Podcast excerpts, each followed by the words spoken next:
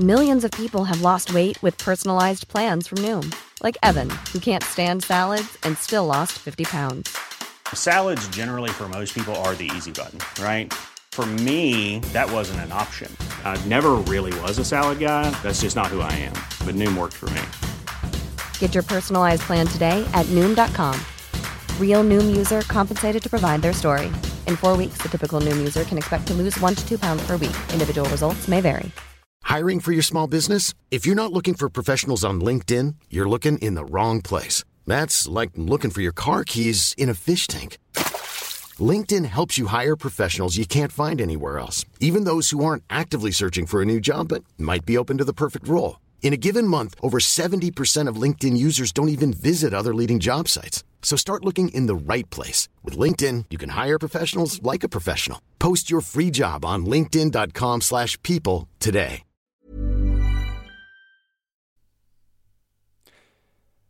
Her nordpå er hver natt en vinter lang. Tro ellers ikke annet enn at her er vakkert nok. Du skal se syner her som du aldri har sett i Englands kongsgårde. Vi vil være sammen som søstre den tid du gjester meg. Ned til havet skal vi gå når uværet rett begynner igjen. Du skal se bølgene flyve mot land som ville, vidmankede hester. Og så hvalene langt der ute. De går mot hinanden som kjemper i stål og plate. Ha! Hvilken lyst å sitte som heksekvinne på hvalens rygg, og ri foran snekken, vekke uvær og lokke mennene i dypet ved fagre galdrekvad.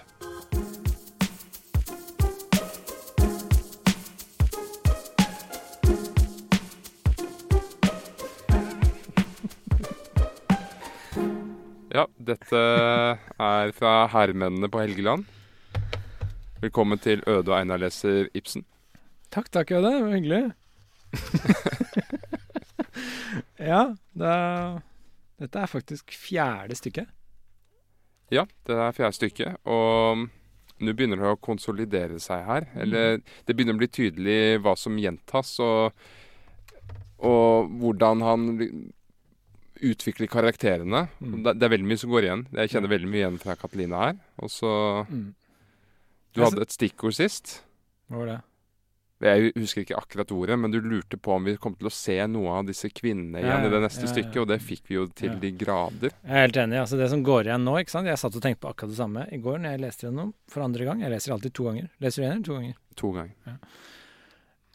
Nei, jeg satt og tenkte på det i går, når, eh, at det som går igjen nå, ikke sant, det er denne, denne krigen mellom det individet og kollektivet på mange nivåer. Sånn forpliktelsene mine mot meg, mot samfunnet, men også sånn hvordan individet passer inn i et samfunn. Og blir kvalt, men samtidig kan realisere seg. Den konflikten mellom individ og kollektiv går igjen. Også den litt sånn selvrealiseringen, at du ikke passer inn i rollene dine. Og så kjærlighet. Er det som går igjen i Ibsen. Mm. Og den derre higen etter noe større, den går også igjen. Ja. Vi ser det tydeligere og tydeligere. Alle stykkene, det er sånn jeg ser det i gjengangeren. Og spesielt disse rollene, litt sånn De sterke kvinneskikkelsene har jo vært med fra andre stykket. Kanskje første, hvis vi mener at Furi er en sterk kvinneskikkelse. Mm. Ja, om eh, Ja. Hun er, hun er ikke like virkelig som denne vi blir kjent med i dette stykket, kanskje. Men, eh, men det er samme type kvinne. Mm. Ja. Og jeg må si at dette stykket sjokkerte meg litt. Fordi tidligere så har jeg latt meg Ja, latt meg glede over historiene og interessant hvordan ting endrer seg osv. Men her opplevde jeg faktisk selv å endre mening Ja. om hvor jeg sto hen i løpet av stykket. ja. Jeg var veldig veldig klar på at jeg mislikte Hjørdis. Mhm. Men i løpet av stykket så ble jeg faktisk overbevist om hennes sak.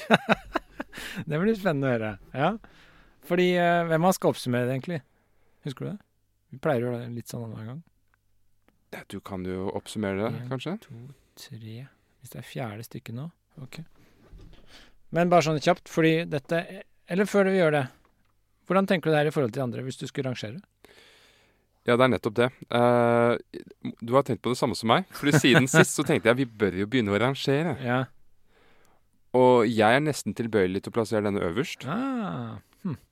Fordi den forrige vi leste, Inger fra Østerått, Ja. Det var veldig mye forviklingsdrama. Ja. Det var litt for mye. Mm. I dette stykket her så er det egentlig bare én forvikling alt Ja. kretser rundt. Han har stramma det opp litt. Og det er denne historien med denne isbjørnen som skjedde for veldig lenge siden. Mm. Eller snebjørnen, eller hva det kalles her. ja. Der er det en Man har en feil oppfatning om hvem som gjorde den dåden, som det kalles, å drepe den isbjørnen som hadde makten til 20 vikingmenn. Det er den ene store forviklingen, og alt vokser ut av den. Mm. Mens i den forrige så var det så mange forviklinger at man ble helt sjøsyk. Ja. Nei, altså det er interessant at du setter denne her kanskje så langt, da. Fordi jeg tenkte jo når jeg leste den første gangen, så tenkte jeg sånn Å, herregud, nå det falt det dypt her. nå syns jeg det var så kjedelig. Åh. Første gang jeg leste den, så var jeg sånn Dette her er svake greier. Dette er venstrehåndsarbeid. ja Eh, vel. Men så jeg, jeg pleier å lese det den dagen vi spiller inn. Så leser jeg neste stykke gjennom på kvelden. Og så lar jeg det dvele litt, og så leser jeg det en gang til senere i uka. Mm. Det er strategien min. Så, for da jobber lillehjernen min litt i løpet av uka. Og da Den syns det var kjedelig i første runde. Jeg skal innrømme det. Jeg synes Det skjedde så mye, men så gikk det litt fort på slutten, for jeg leste liksom litt på toget, og det gikk litt fort på slutten der. Og så, når jeg leste andre gangen, så ble det mye sterkere. Ja. Så jeg syns det var mye bedre ved andre lesning enn første. Bare en sånn advarsel til lytterne. Dere bør lese disse tingene flere ganger. For det er mye hint og sånn som du skjønner når du leser det om igjen, veldig mye bedre. Men øh, jeg syns kanskje Katelina er bedre. Ok, men før vi går helt tilbake til Katelina, er du enig med meg at denne er et bedre stykke enn den forrige? Ja. At det ble litt for mye forviklinger i den forrige. Jeg er enig i at det er bedre enn det forrige, for det var så komplekst. Uh, Fru Inger til Østeråt. Men jeg syns kanskje Gilde på Solhaug Ja, men jeg syns ikke denne her er mindre kompleks. Sånn følelsesmessig. De forskjellige karakterenes viljer og uviljer mm. er like kompleks. Ja. Det er bare det at det var så veldig mye forviklinger i den forrige. Ja, det var det. Men jeg syns kanskje det som svikter litt i den her for meg, er at jeg Jeg syns ikke karakterene er så troverdige som kanskje Fru Inger til Nei. Jeg syns karakterene er litt troverdige. Jeg er enig i at plottet var altfor komplisert i Fru Inger til det forrige. Men Og plottet nå er mye strammere og bedre å forholde seg til. Ja. Men det er noe med karakterene som ikke er helt troverdig for meg. Det går litt fort i svinga av og til. Vi skal se på det. Altså, det er noe med karakterene som brister litt av og til. Men Men vet hva, jeg, vi kan komme tilbake til det. vet du hva jeg tror? Mm. Jeg tror Jeg er ikke helt uenig med deg, men jeg tror det er grunnet i at Ibsen har forsøkt å skrive disse karakterene som vikinger. Ja. Og det er litt av grunnen til at jeg likte det så godt da jeg begynte, fordi jeg elsker islandssagaene. Mm. Og med en gang så får jeg islandssaga-følelsen når jeg begynner å lese dette. Mm. Hele væremåten, f.eks. vennskapene blant vikinger, er, den, den er veldig betinget. Mm. Det er fra, Eh, det er Håvamål. Det er sånn det Ja, funker. Ja. Altså, i, altså det er ikke denne, denne ubetingede kjærligheten mellom Mm. mennesker som vi driver og snakker om i dag, den finnes ikke hos vikingene. Nei.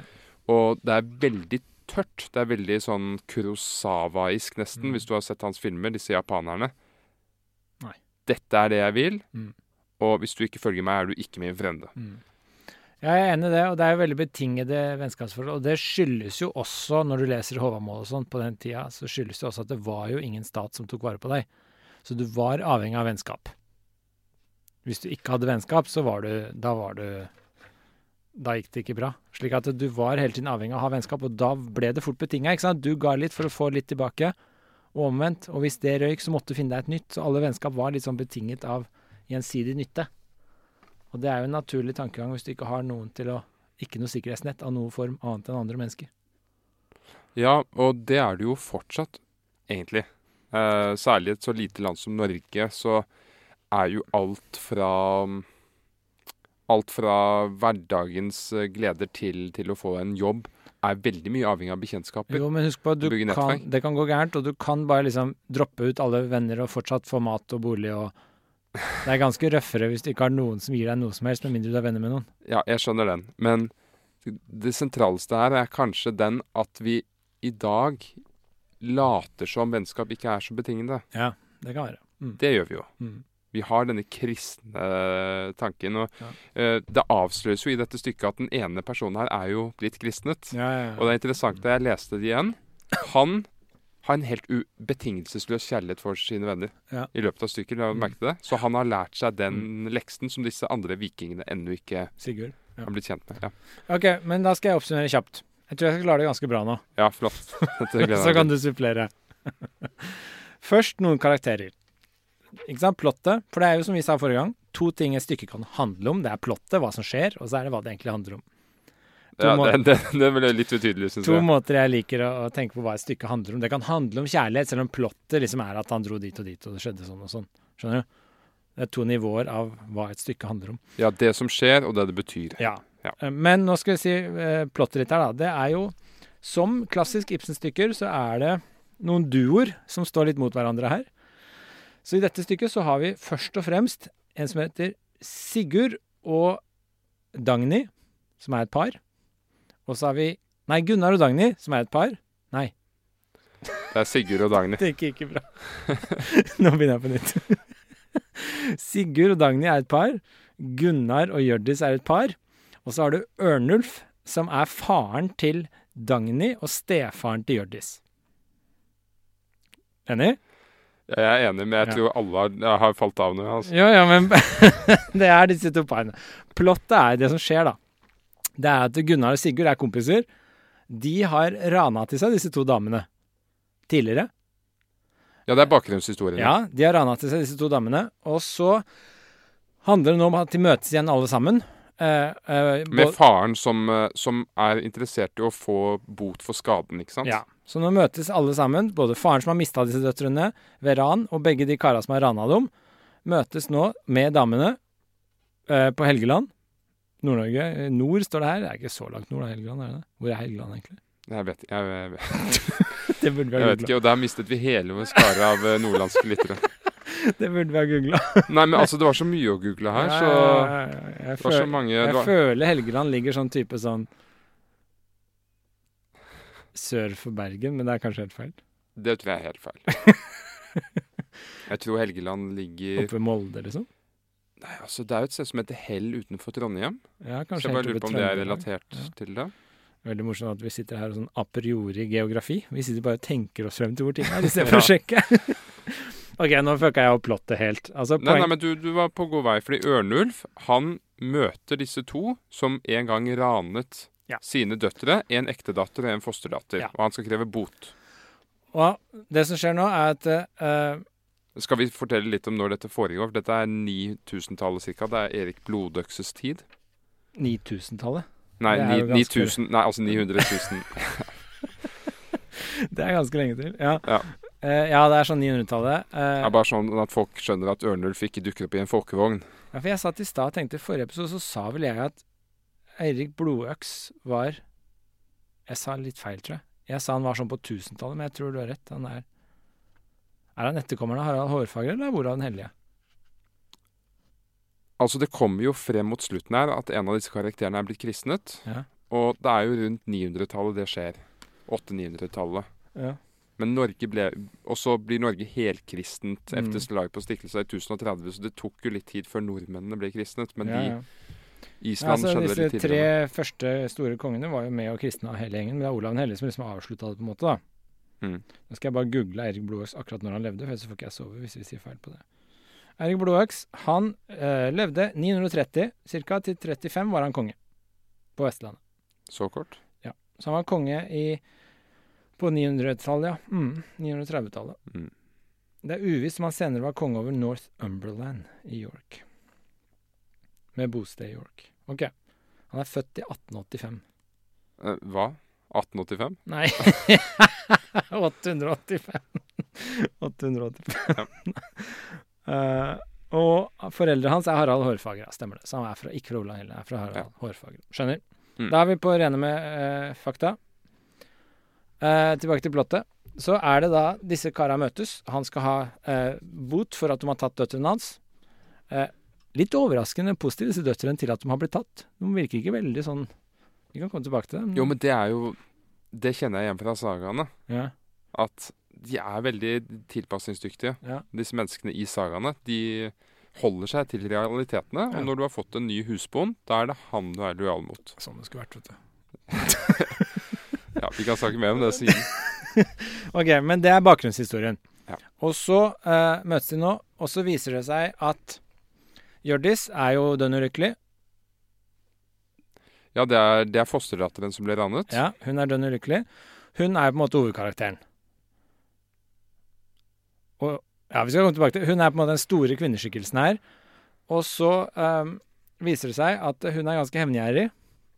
Så er det denne forviklingen som mye av plottet dreier seg rundt, som du nevnte. Det er jo at eh, Ja, altså, jeg tror vi må skru litt tilbake her. Skal du oppsummere? Jeg klarer Jeg, ikke jeg tror vi må skru litt tilbake her, fordi eh, disse to som røvet Sigurd treffer Ørnulf, sin svigerfar, Mm. og han er villig til å uh, betale bot med en gang. Så de blir enige om en sum, Ja.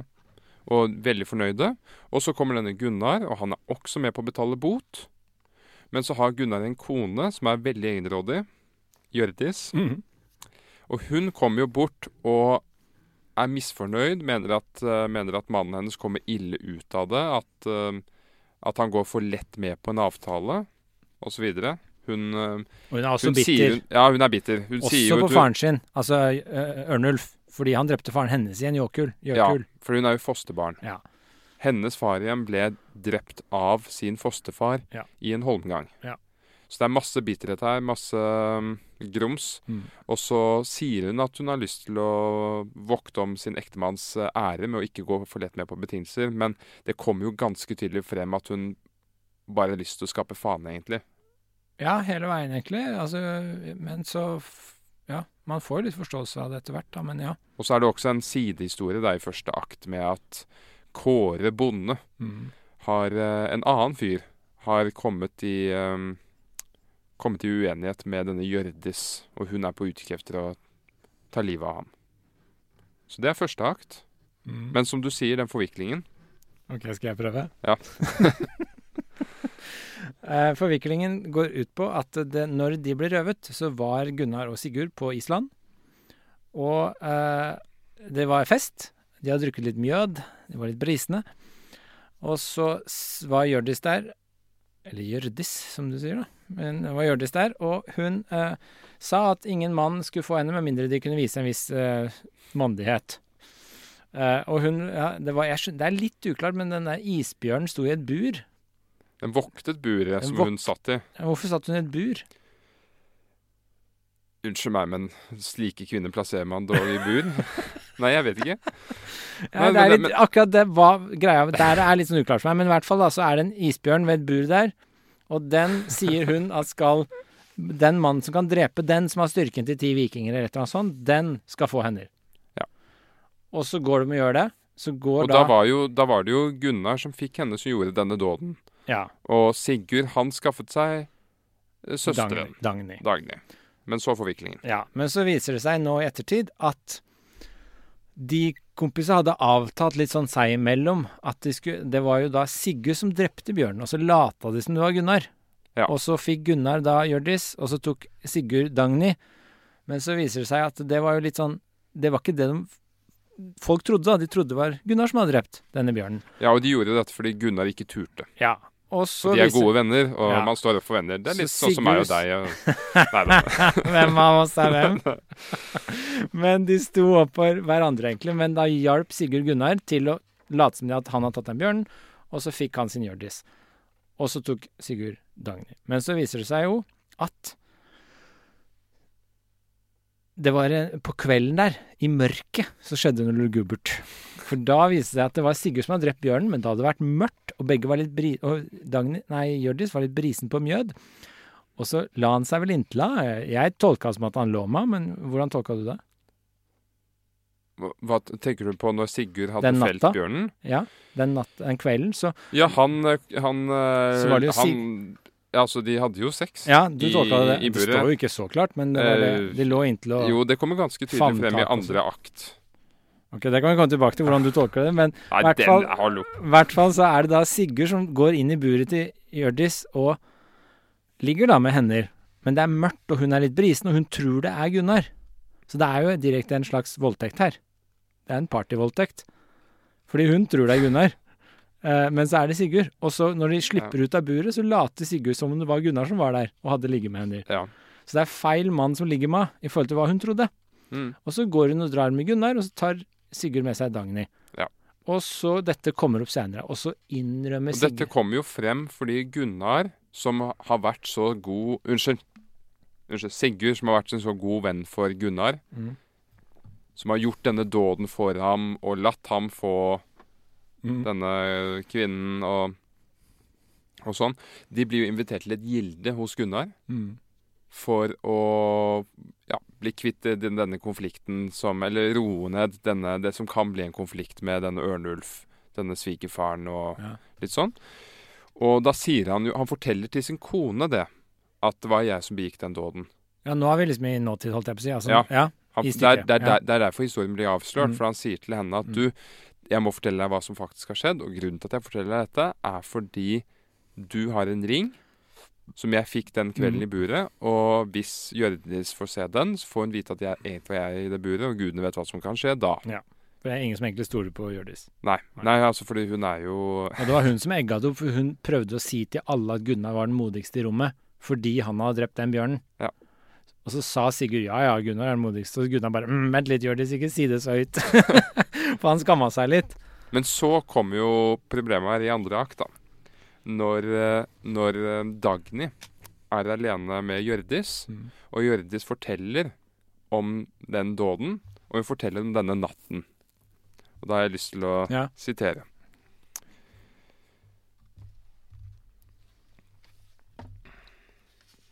Bare kjør på. jeg bare, det forsvant litt uh... Jo, der er det. Der er det. Der. Nu, en ting kan du dog si meg, Dagny, sier Hjørdis. Ti, det må du sikkert vite. Når en mann favner den kvinne han er kjær, er det sant at da brenner hennes blod, hennes bryst banker, svimler hun i selsom fryd derved? Dagny rødmende. Hjørdis, hvor kan du Dagny. Eh, nei, Hjørdis. Nu da, si meg. Dagny. Det tenker jeg for hvis du har fornemmet. Hjørdis. Ja, én gang. Kun en eneste. Det var hin natt, da Gunnar satt hos meg i buret. Han krystet meg i favn så brynjen brast. Og da, da Og så Dagny, som vet at det egentlig var hennes ektemann Sigurd, utbryter Hva? Sigurd? Og så sier Hjørdis Sigurd? Hvor taler du om Sigurd? Jeg nevnte Gunnar. Hin natt, da kvinneranet. Dagny fatter seg. Ja, ja, ja, jeg minnes, jeg vet vel. Og så videre. Ja, så Gunnar innrømmer til Nei, Sigurd innrømmer til Dagny først hva som har skjedd. Ja. Og så innser uh, Men hun vet ikke at hennes mann lå med henne den natten. Det får hun jo vite her. Ja. Men er det så klart at hun lå? Det står bare Ja. 'favner'. Er det liksom Ibsens måte å si Når en mann favner den kvinne han har kjær, er det sant at da brenner hennes blod, hennes bryst banker, svimler hun i selsom fryd derved. Jeg vet ikke hva annet det kan bety. Jeg. Ja, det, Det kan ikke bety en vennskapsklem. Hun ga en god bamseklem. Nei, Nei, nå har du lest Bibelen for mye, Einar. Men ja. Nei, men i hvert fall, det er forviklingen, da. At uh, Det er jo litt sånn, litt sånn ikke, Jeg vil ikke si morsomt, men det er litt rart, da, at uh, Hjørdis egentlig Først er det litt rart at hun sitter i et bur. Jeg lurte fælt på hvorfor hun satt i et bur. Og på den andre siden så er det fælt at eh, her kommer de inn i mørket. Jeg kan jo tenke meg at belysningen var dårlig den gang uten strøm, men her kommer de inn i mørket og ligger med og later som det er en annen en.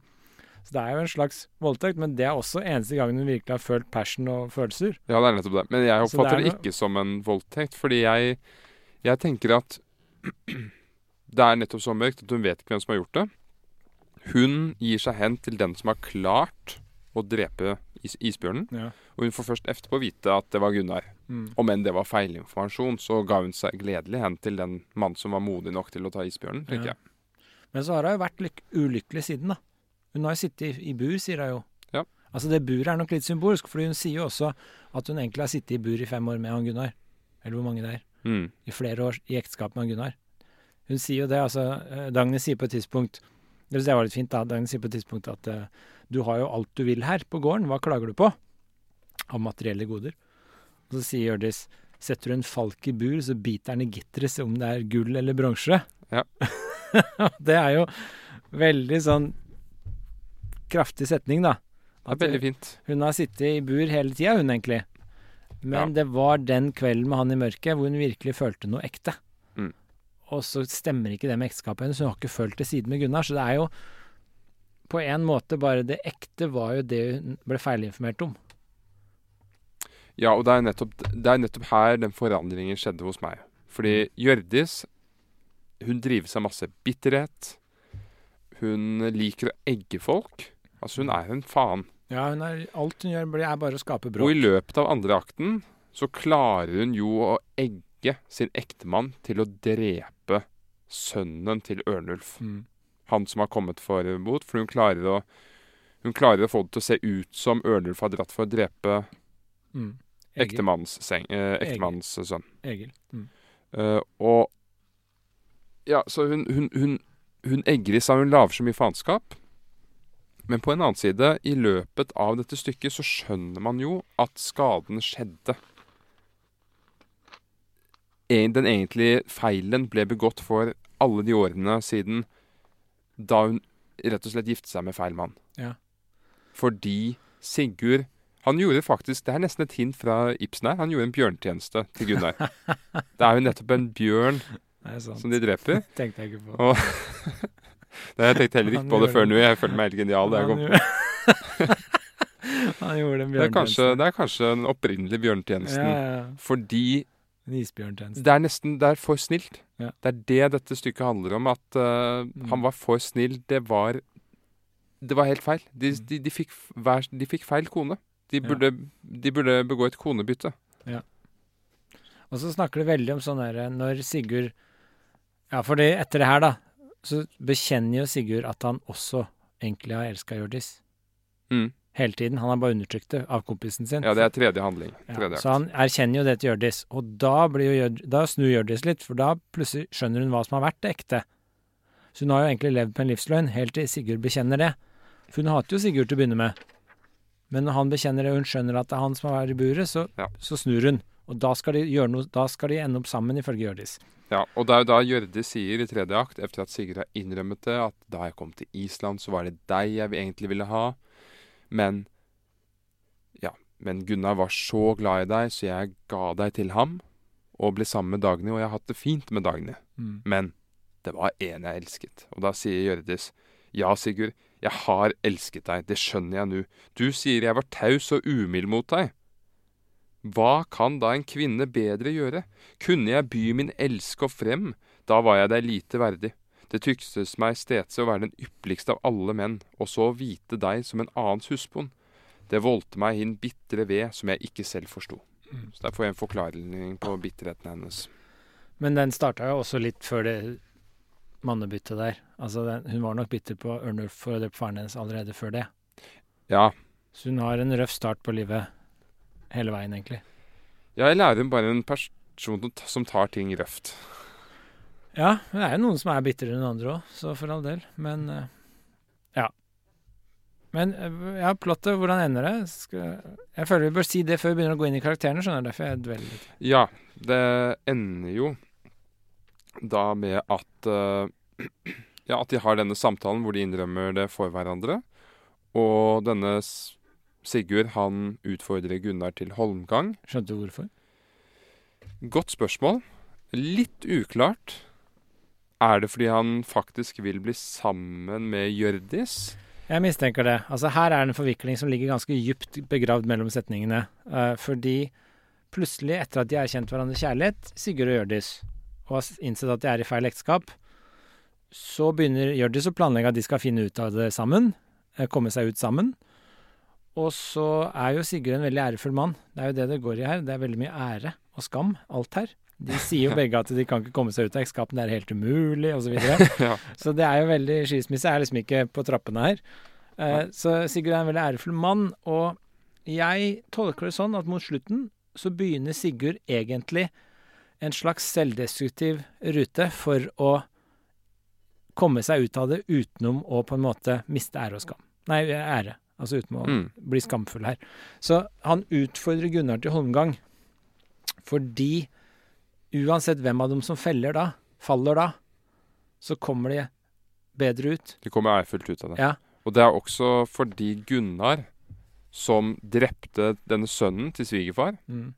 fordi han trodde sin egen sønn var blitt drept. Ja. Han er jo Ja, han er blitt kjent for det som karakteriseres som en nidingaktig atferd Mm. eller noe sånt, av alle de ulike bøndene rundt omkring. Mm. Så han blir sett veldig ned på nå. Ja, fordi han drepte litt sånn overilt sønnen til Ørnulf, Tor Torulf.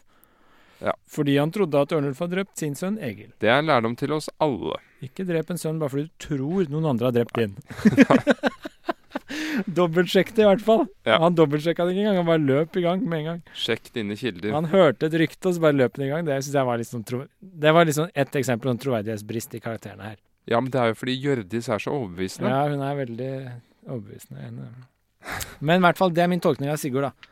At han gjør det litt for at både han og Gunnar da kommer ut, så han opprettholder på en måte vennskapet, det ærefulle overfor sin venn, ved å utfordre ham til håndgang. For da kan Gunnar ta livet av han, og da kommer Gunnar bra ut. Eller så tar han livet av Gunnar, og da kan han få sin Hjørdis. For Hjørdis sier Ja, jo det. At Han tør jo ikke å si det like frem. nei, men det er det som ligger her, tror jeg. Ja, jeg tror også det. Og så ender det jo øh, Siste handling, ja. fjerde handling, da skal de jo begå holmgang. Mm. Eh, men den akten åpner med at Ørnulf, som da Det var kanskje noe ikke vi kom inn på, men da han var bortreist i annen handling, så Mm. var han jo nede sydpå og hindret denne Kåre bonde å drepe sønnen Ja. til Sigurd. Han tenkte han skulle gjøre det som en fin gest for å løse konfliktene, Mm. men i stedet så misforsto de selskapet og trodde han at han selv hadde dratt ned for å drepe deres Ja. sønn. Men han kom jo tilbake, mistet seks av sine sønner, får vite at sin siste sønn er blitt drept. Ja. Og fjerde handling åpner med at han har begravd dem, og er ufattelig trist. Ja.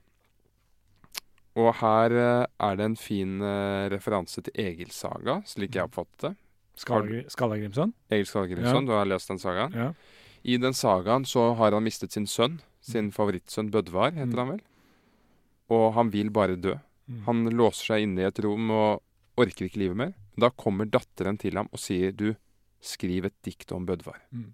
Og gi ham en ærefull begravelse. Så gjør han det, og så får han bearbeidet sorgen, og alt går så meget bedre. Mm. Og dette skjer jo her med denne Ørnulf. Jeg er helt enig. Han får beskjed om fra Dagny, sin Mm. datter, om at at du må skrive et dikt. Ikke sur- men skriv et dikt over dine falne sønner. Skald. Ja, han er jo en skald. Mm. Og han fremfører dette diktet, og han sier rett efter diktet er ferdig Se, nu er Ørnulf sterk og sunn igjen. Kom til nattverdsbordet, drenge, vi har hatt et tungt dagverk. Mm. Det er en veldig fin, fint eksempel på norrøn terapi. Mm. At du skal bearbeide noe, du skal skrive et dikt over det som har skjedd. Veldig fint eksempel på hvordan kunsten kan hele. Ja. Har du tro på det? Er det sånn du har hatt en tung dag, så bare maler du et bilde? Jeg tror veldig Jeg tror veldig på det, Uh, men det må gjøres på riktig måte. Ja. Og der, den er litt vrien. Men Egil Skallagrimsen gjør det samme som du sier, og det er vel kåret et av de beste dikta i norrøn litteratur omtrent, er det ikke det? Hva heter det igjen? Det er sånn kjempekjent. Det diktet Ja? til Bødvar, det heter Sonatorek. Ja. Sønnetapet. ja. Mm. Det er veldig fint. Det er jo Vardruna, som er sånn vikingmusikk jeg liker veldig godt, har også en sang med den tittelen. Ja. Mm. Min far har malt et bilde etter det. Sonatorek. Ja. Ja. hvilken av dem er det? Nei, det heter sånn at men hvilke av bildene? Hva er det bildet? Det er en mann som sitter og holder en død gutt. Så det er, det er ganske direkte fra historien. Ja. Og Bødvar døde på denne båten som drev og gynget i tre dager i storm, eller noe sånt. Ja. Så i min fars bilde så vil du si at den lille gutten er veldig blå, Mm, og så er det en båt tilbake til Ja. Men iallfall tilbake til stykket. Der ender Ørnulfs vise, holdt jeg på å si, og så skjer det jo da at denne gården til Gunnar blir angrepet av Kåre bonde, Mm. og Sigurd blir stående alene igjen. Dagny drar av sted opp, og så kommer denne Hjørdis ned og Mm. sier til ham 'nå skal vi bli sammen', osv. Og det ender jo da med at Hjørdis sin løsning på dette er å skyte ham. At de skal sammen gå til denne norrøne utgaven av himmelen. Og her blir jo stykket litt komisk, fordi idet hun har skutt og drept Sigurd, så sier Sigurd Du, det, dette kommer ikke til å fungere, fordi jeg har blitt kristen mann, jeg. så jeg Først sier han det var bra skudd. Ja, ja det, han anerkjenner det. Du Ja. traff godt. Det var bra skudd. I det hun skyter, hun skyter han med pil og bue, ikke sant? Ja. Men så, han, men så kommer han på at han er kristen. Ja, vel truffet, Jødis. Så sier hun Sigurd, min bror, nå hører vi hinanden til. Og så svarer han Nu mindre enn før, her skilles våre veier. Ti, jeg er en kristnet mann. og så kommer han inn på hvordan denne engelske kongen han har bodd hos, har kristnet ham. Og det forferder henne. Adelstan. Ja, det forferder henne. Og vi får faktisk en beskrivelse her over at han dør. Og hun eh, drar opp til denne Åsgårdsreien. Mm. Og så når de andre kommer ned igjen, Egil, sønnen og Gunnar og Ørnulf, så ser de Åsgårdsreien fare forbi Mm. med denne Hjørdis der. Mens vi får ikke se Hun kaster seg utfor et stup, da. Hun kaster seg utfor et stup. Så ender jo med at det kjæresteparet som egentlig elsket hverandre, de dør begge to. Ja, og Nei, de sånn kommer til er hver sin himmel. Ja, Sånn sett er det en tragedie, Absolutt. ikke en komedie. Og så er det litt interessant at vi får faktisk se Åsgårdsreien her, men vi får ikke se den kristne Guds himmel. Nei.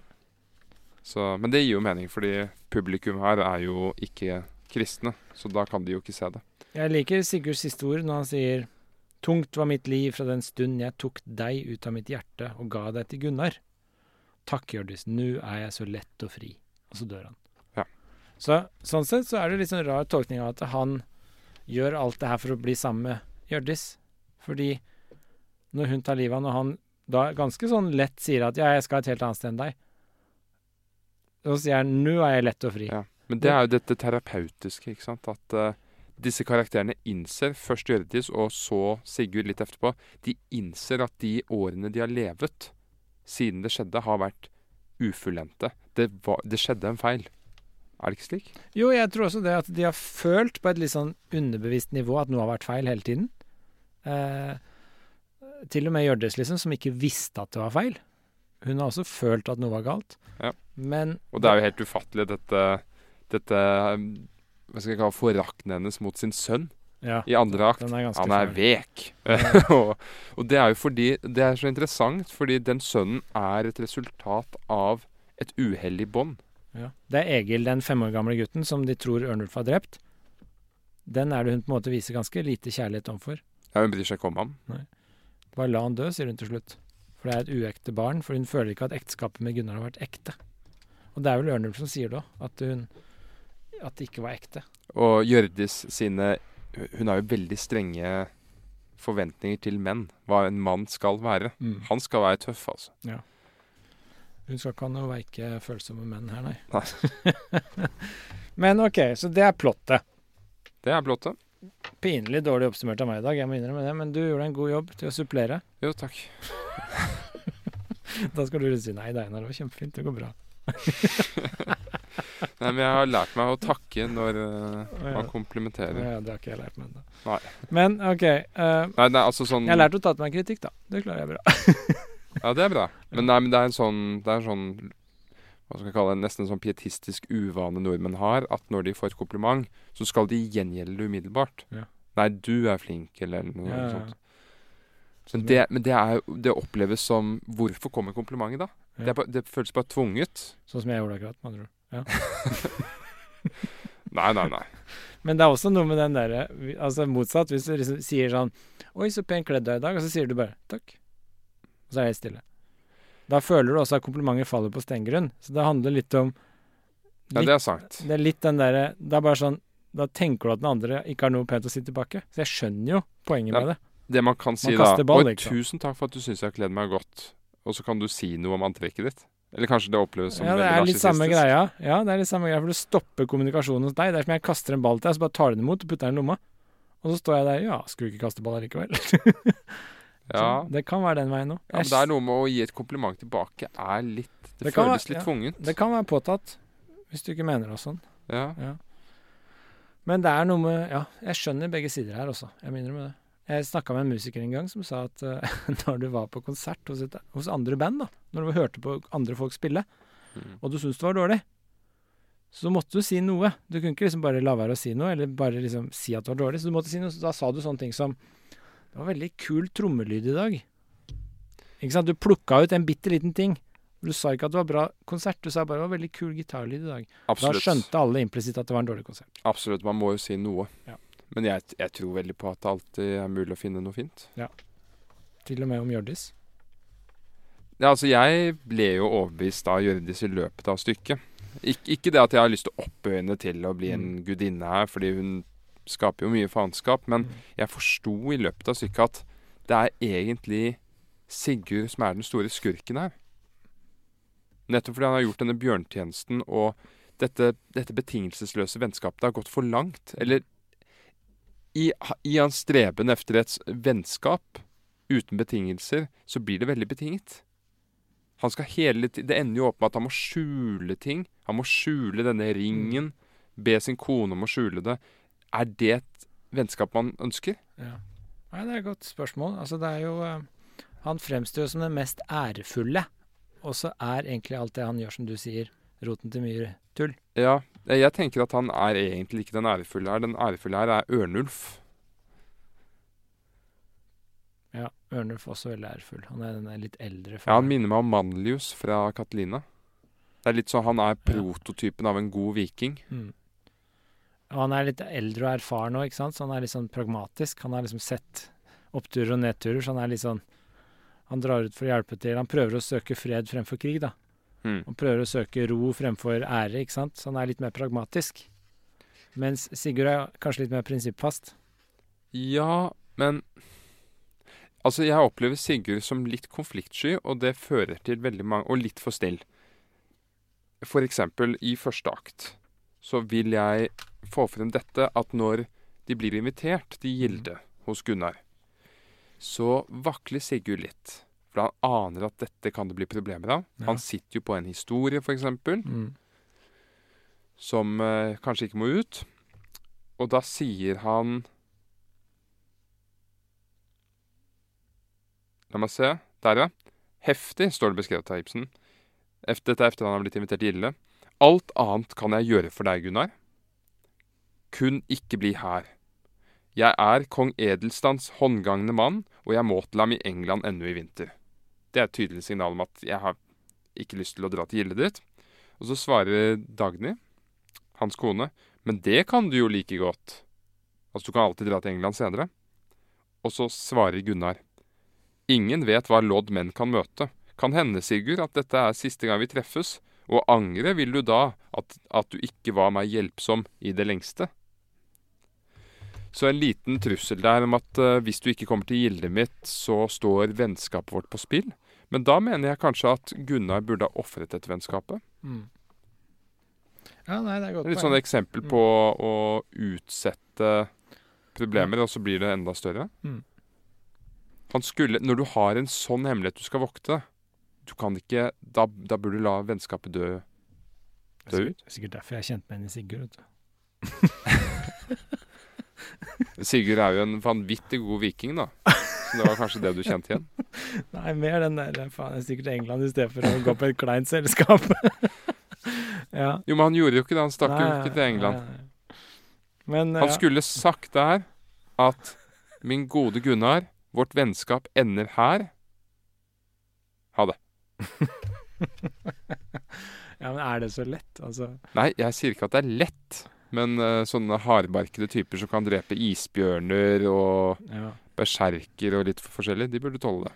det er sant. Kanskje han ikke er så Ja, det er jo en interessant karakter, da, fordi han er på en måte så sterk på den ene siden, men så veik på den andre. Han er veldig sånn sterk og bra viking, men han er ganske sånn veik og konfliktsky når det gjelder liksom det Ja, men også dette, denne selvoppofrelsen for sin venn, at han skal få den vakre kvinnen på Island fordi han ba om det og sånn. Ja. Det er noe alvorlig galt her, altså. Hva er det for noe? Nå ble jeg veldig forvirra om Sigurd, faktisk. Du har, du har lest godt i dag. Ja. Du har sittet i luka, eller? Eh, ne- Jeg har lest den eh, godt denne Mer- gangen, ja. Mer, mer enn to ganger. Eh, ja, kanskje tre. Kanskje tre. Det er bra. Men hvilke Ja, altså Det som jeg syns var litt artig her, var jo at det er klassisk Ibsen med disse duoene, ikke sant? Disse para.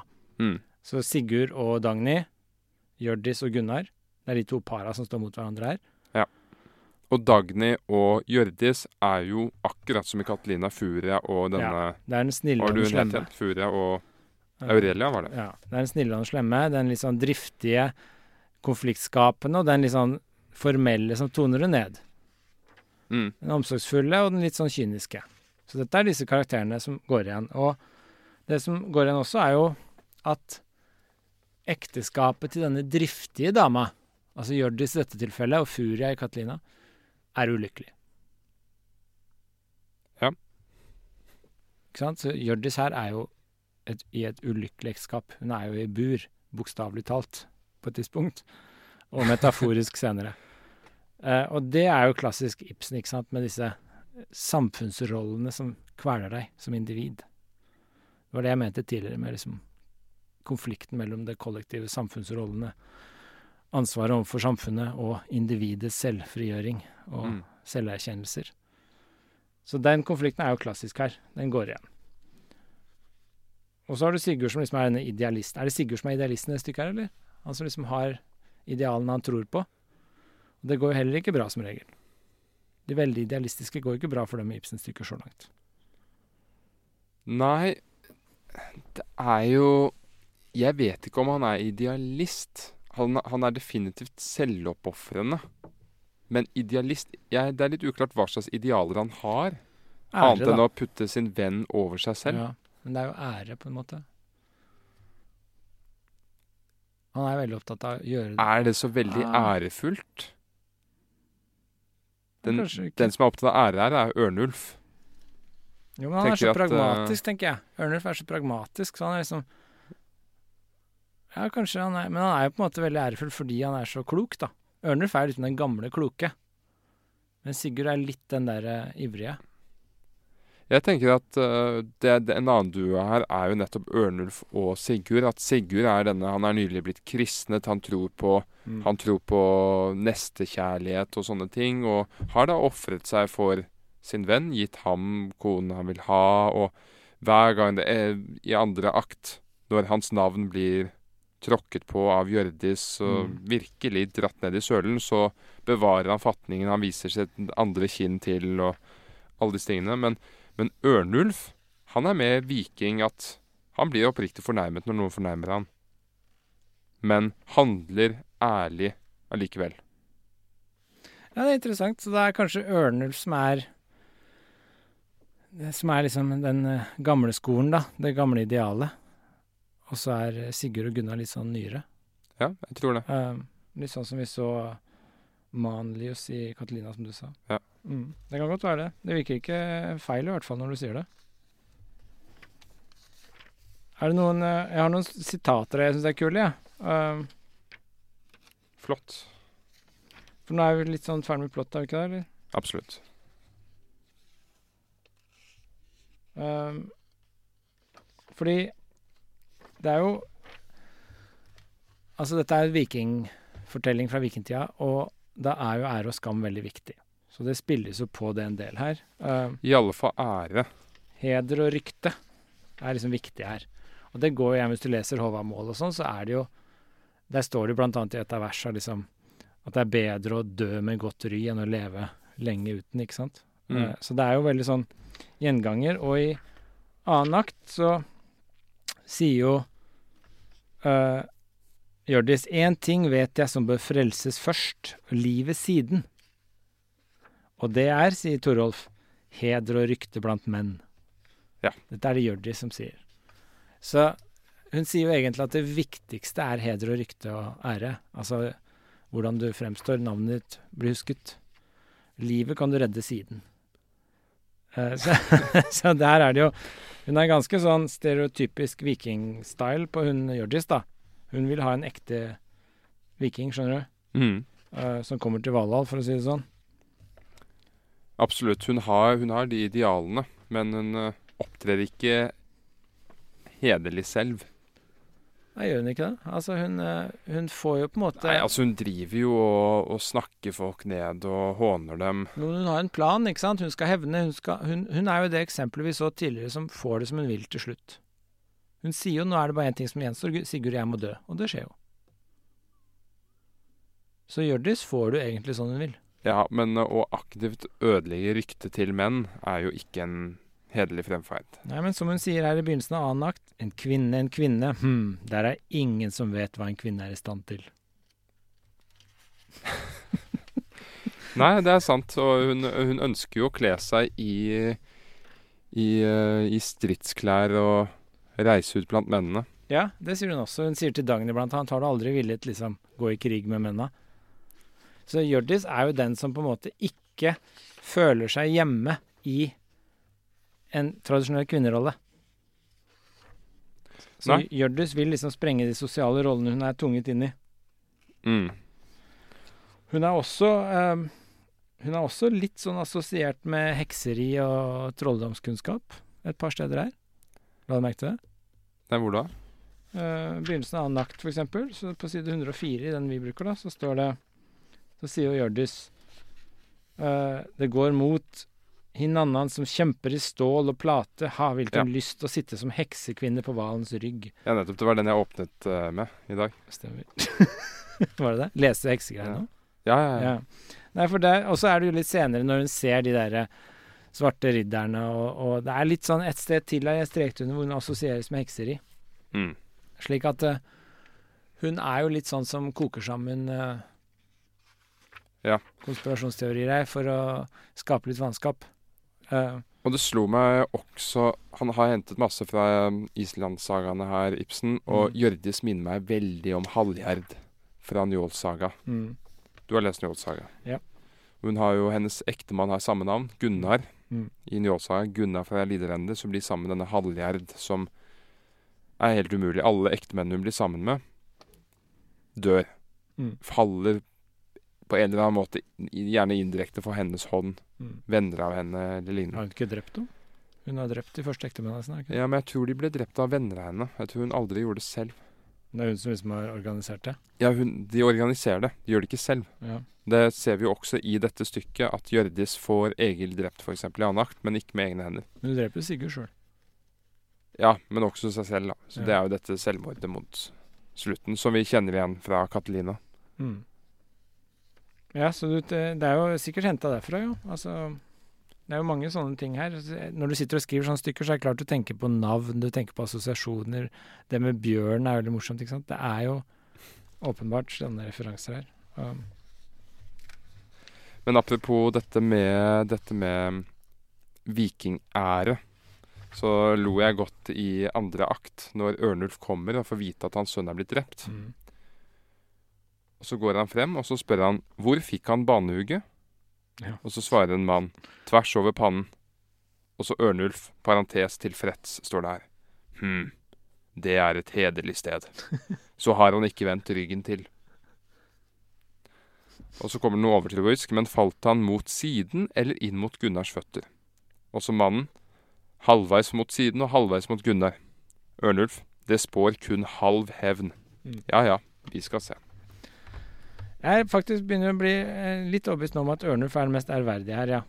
Altså, dette måten han tar dette på, For du ser litt senere i andre akt òg, så sier han jo Når han har innsett at alle sønnene hans er døde Han hadde jo seks sønner han tok med seg, som døde på veien. Og de, var, de sa han det er greit nok, bare ikke Torolf er død. For det var favoritten. Ja, Det er også veldig vikingaktig å Ja. være helt åpen om hvem som er din favoritt. Ja, det var den yngste, den yngste ifølge han, da. Ja. Og når Torolf også er død, så sier han tungt er det å stå som en frodig gran, så kvistes av i ett eneste uvær. Og så blir han jo veldig deppa, og så sier han til slutt Sønnerløs går jeg, men ingen skal si at han så meg bøyet. Så Ja. han går med hevet rygg. Der har vi den. Han mista seks eller sju sønner, alle sammen, men han går Ingen skal se meg gå bøyet. Uh, det Ja. Og da er det jo ekstra nydelig at man i siste akt så blir Dagny og Sigurd vitne til at han er bøyet. At, at det brister for ham. Han greier ikke skjule det lenger.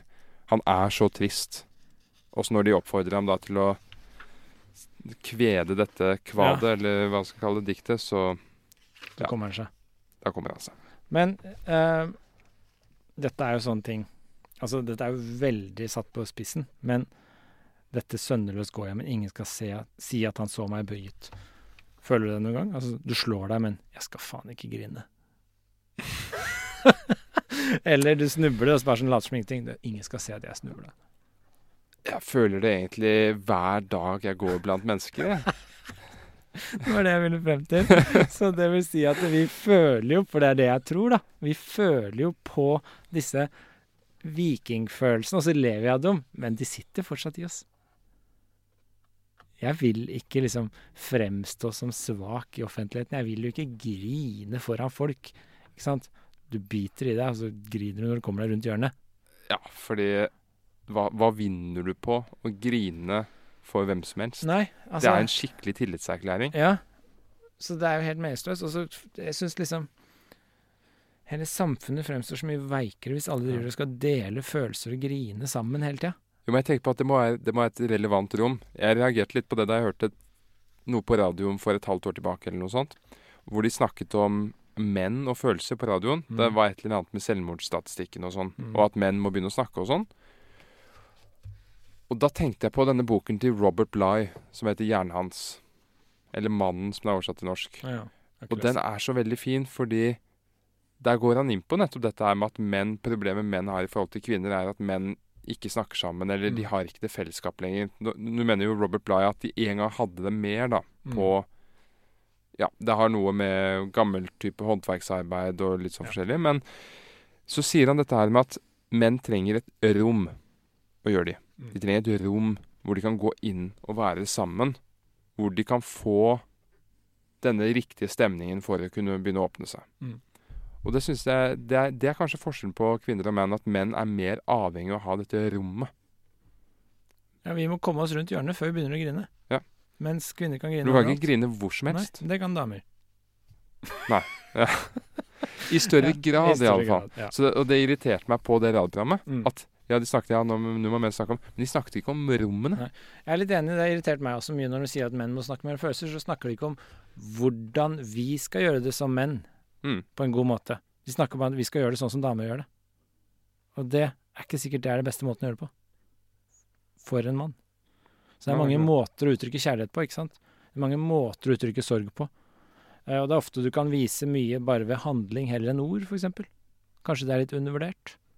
Ja, eller gjennom et dikt. Jeg er sånn et dikt. Skalde. Du skriver et dikt, ikke sant. Eh, Jeg er helt enig. Eh, Kanskje litt sånn som Hjørdis sier i åpningen av tredje akt.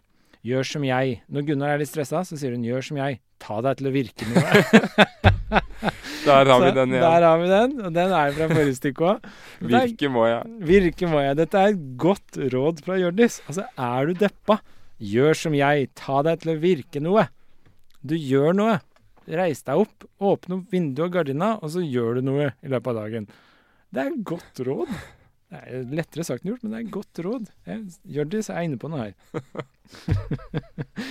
Sitte der og grine hele dagen, det Altså, jeg, vet, jeg vet hvordan man skal smelte ditt hjerte. Man skal bare snakke om å virke og, og sette i gang et eller annet sånt. Mm.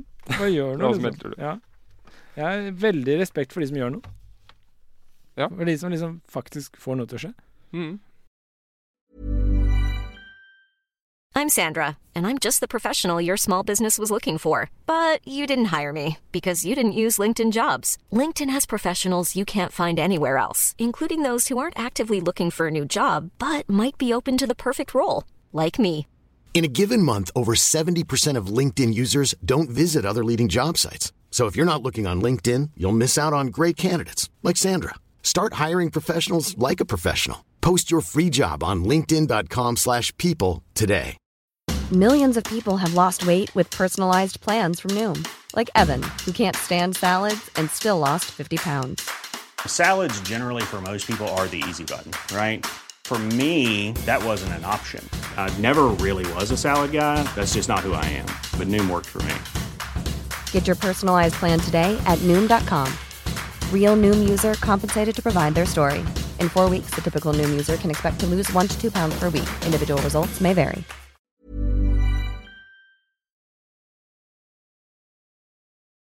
Jeg så Jeg hørte en historie om eh, Altså, det er en sann historie, faktisk. Det var en av mine Det blir altså mine oldeforeldre. Hvor hun Kona døde ganske tidlig. Hun døde når unga var tenåringer. Og han mannen, han Den dagen hun døde Det var sånn de døde den gang. Sånn, var, var det sånn lungebetennelse eller De fikk Hva heter det? Sånn Tuberkulose? ja, et eller annet sånt. Så døde hun, og så satt alle inne der, og hun lå liksom og ånda ut, ikke sant. Og da visste ikke han hvordan han skulle reagere, han mannen i huset. For da ble han aleine med unga. Så han reiste seg opp når hun døde, og så gikk hun til stallen, og så var han der hele dagen. Og drev og stelte hester og begynte å jobbe. Mm. Og så er det sånn, på en måte er det veldig rar reaksjon å gjøre på. Men på en annen måte er det jo det er litt sånn Jeg forstår det, da. Ja. Du vet ikke hvordan du skal takle det, så du går ut og begynner å gjøre noe. Det er dette terapeutiske. Ja.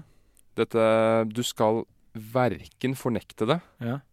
eller dyrke det. Mm. Du skal bearbeide det. Du skal gjøre det til noe annet. Du skal slippe ut i strømningene i et kvad eller i et hestearbeid. Jeg husker jeg har en historie fra en elev av min far Mm. som fortalte meg en gang at hun hadde så mye kjærlighetssorg. Mm. Det var blitt slutt med en fyr. Og da isolerte hun seg, sånn som man gjerne gjør når man sørger, Mm. og bare lå inne på rommet sitt og hadde det trist. Og så kom min far brakende inn med en sånn svær samling med papirer. Og så sa han til henne at disse diktene må rettskrives. Kan du gjøre det? Virker Og ja, ja, jeg får vel gjøre det, da. Og det, det, var, det var litt av et arbeid. Ja. Da satte hun seg ned. Hun var ikke ferdig før det var gått fire uker. Ja. Da hadde hun glemt mannen hun sørget over. Ikke sant? Det er et kremeksempel. Det er virke vi må. det var klokt av hun far å gjøre det. Var det det han tenkte på, eller var det bare sånn tilfeldig at det var Altså, jeg vet ikke. Hun Da hun gjenfortalte historien, så Ja, hun fremstilte det som om det var eh, en gave fra ham til Ja, henne, ja. Det, Mm. det arbeidet. Mm. Men jeg vet ikke. Har du sett en film som heter 'Manchester by the Sea'? Nei. Det er en veldig trist film. Det er en film hvor Jeg, jeg har hørt om den. Ja, det er en film hvor han går ut for å kjøpe øl, og så brenner huset ned, for han glemmer å lokke peisen, og så dauer begge unga. Å nei. Og så kommer kona og han seg ut unna, men ikke unga. Og så skilles de, og så klarer de ikke å leve med den sorgen her, ikke sant, for det var litt hans skyld. Eller hans uansvarlighet, da. Og så eh, er han og passer på nevøen sin fordi broren hans dør. Så nevøen hans er hjemme, en tenåring, og så dør faren. Så broren hans, da. Så dør faren, og så sitter han nevøen der, og så er han hjemme og passer på nevøen sin litt, og så har han veldig angst for unger, da, for han brant jo opp sine egne to unger. Eller han, lo, han, sørget, han gjorde noe dumt som gjorde at de brant opp. Mm. Og så får denne gutt, nevøen hans eh, endelig Han reagerer ikke ordentlig på sorgen over faren sin, og så får han endelig et sammenbrudd. Og begynner å riste og rive litt i fryseren og får ikke til noe sånt, knekker litt sammen på kjøkkenet. Så går han inn på soverommet sitt, og da har ikke disse to kara klart å snakke om det, ikke sant? De har ikke klart å snakke ordentlig om følelser. Og så går han inn på rommet sitt, han nevøen, legger seg på senga, og så går han etter, og så setter han seg ved siden av senga, og så bare sitter han der, sier ingenting.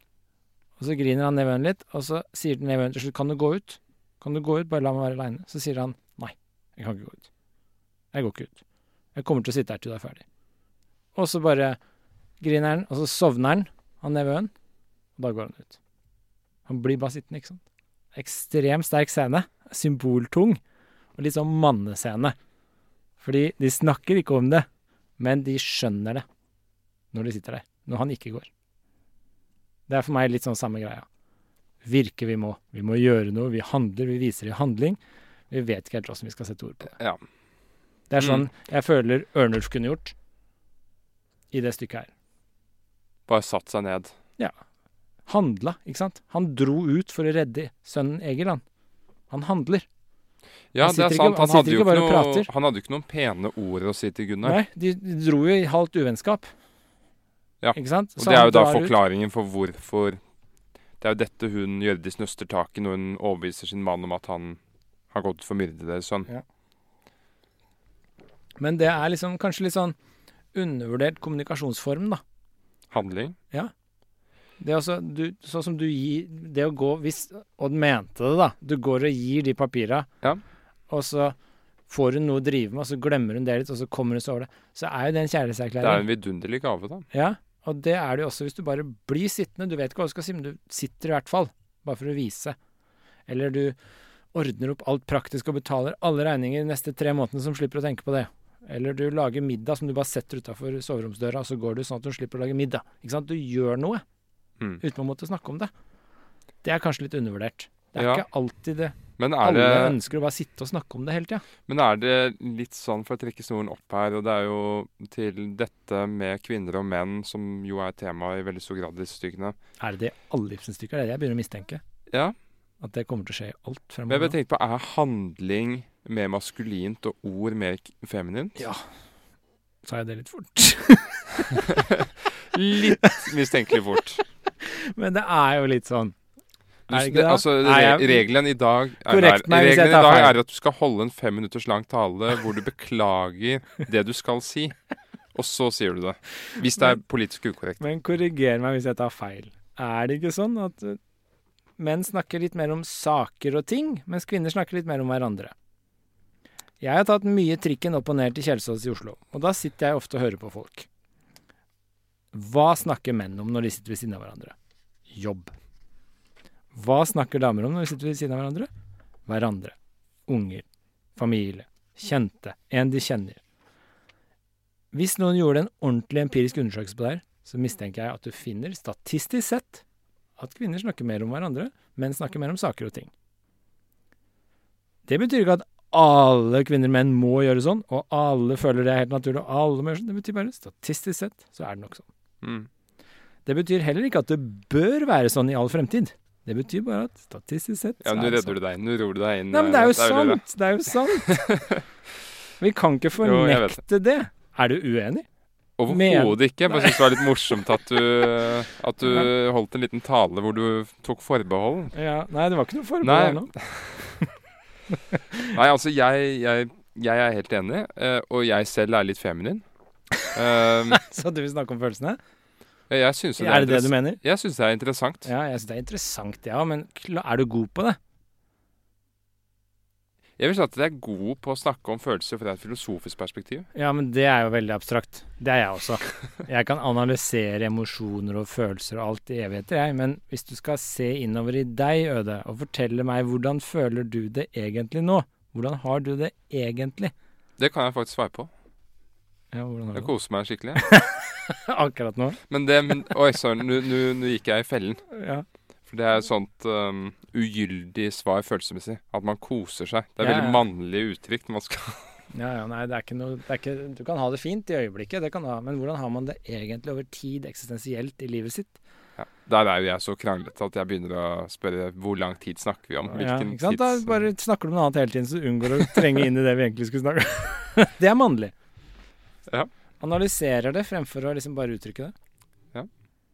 Dette er jo stereotyper, men jeg har litt tro på at de er stereotyper og klisjeer av en grunn. Mm. Ikke sant? Det er statistikk bak det, antageligvis. Og Hjørdis her, den, hun er jo Hun må jo sies i dette stykket Hun må jo sies å være en manneelsker. Hun elsker alt det mannlige. Hun har lyst til å ri ute med mennene og slåss med dem. Ja. Og hun kritiserer jo nettopp Sigurd for å handle et feil. Det er handlingene. Mm. Så hun sier i fjerde akt alle gode gaver, fordi gaver er feminint, Mm. ikke sant? Alle gode gaver kan mannen gi til sin fulltro venn. Alt. Kun ikke den kvinne han har kjær. Til gjør han det, da bryter han nornens lønnlige spill, og to liv forspilles. Ja. Nornen, norrøn gudinne for skjebne. Ja. ja. Det fant vi ut rett før spilling, sending. De Ja. sitter ved fødsel og spinner ut skjebnen. De er der når du blir født. Nornene. Men det er jo Jeg er helt enig om Hjørdis på akkurat det. Hun er jo på en måte Hun er jo denne dama Det er det som er så forlokkende med Hjørdis, ikke sant? Hun er denne dama som menna faller for. Fordi hun dyrker det mannlige. Så hun gjør jo at menn føler seg veldig mannlige når de gjør som hun sier. Mm. Så hun skjønner det mannlige kanskje bedre enn mennene sjøl, ikke sant? Og så styrker hun opp under det, og så fyrer hun opp under det, og så føler du deg helt konge når du gjør som du sier.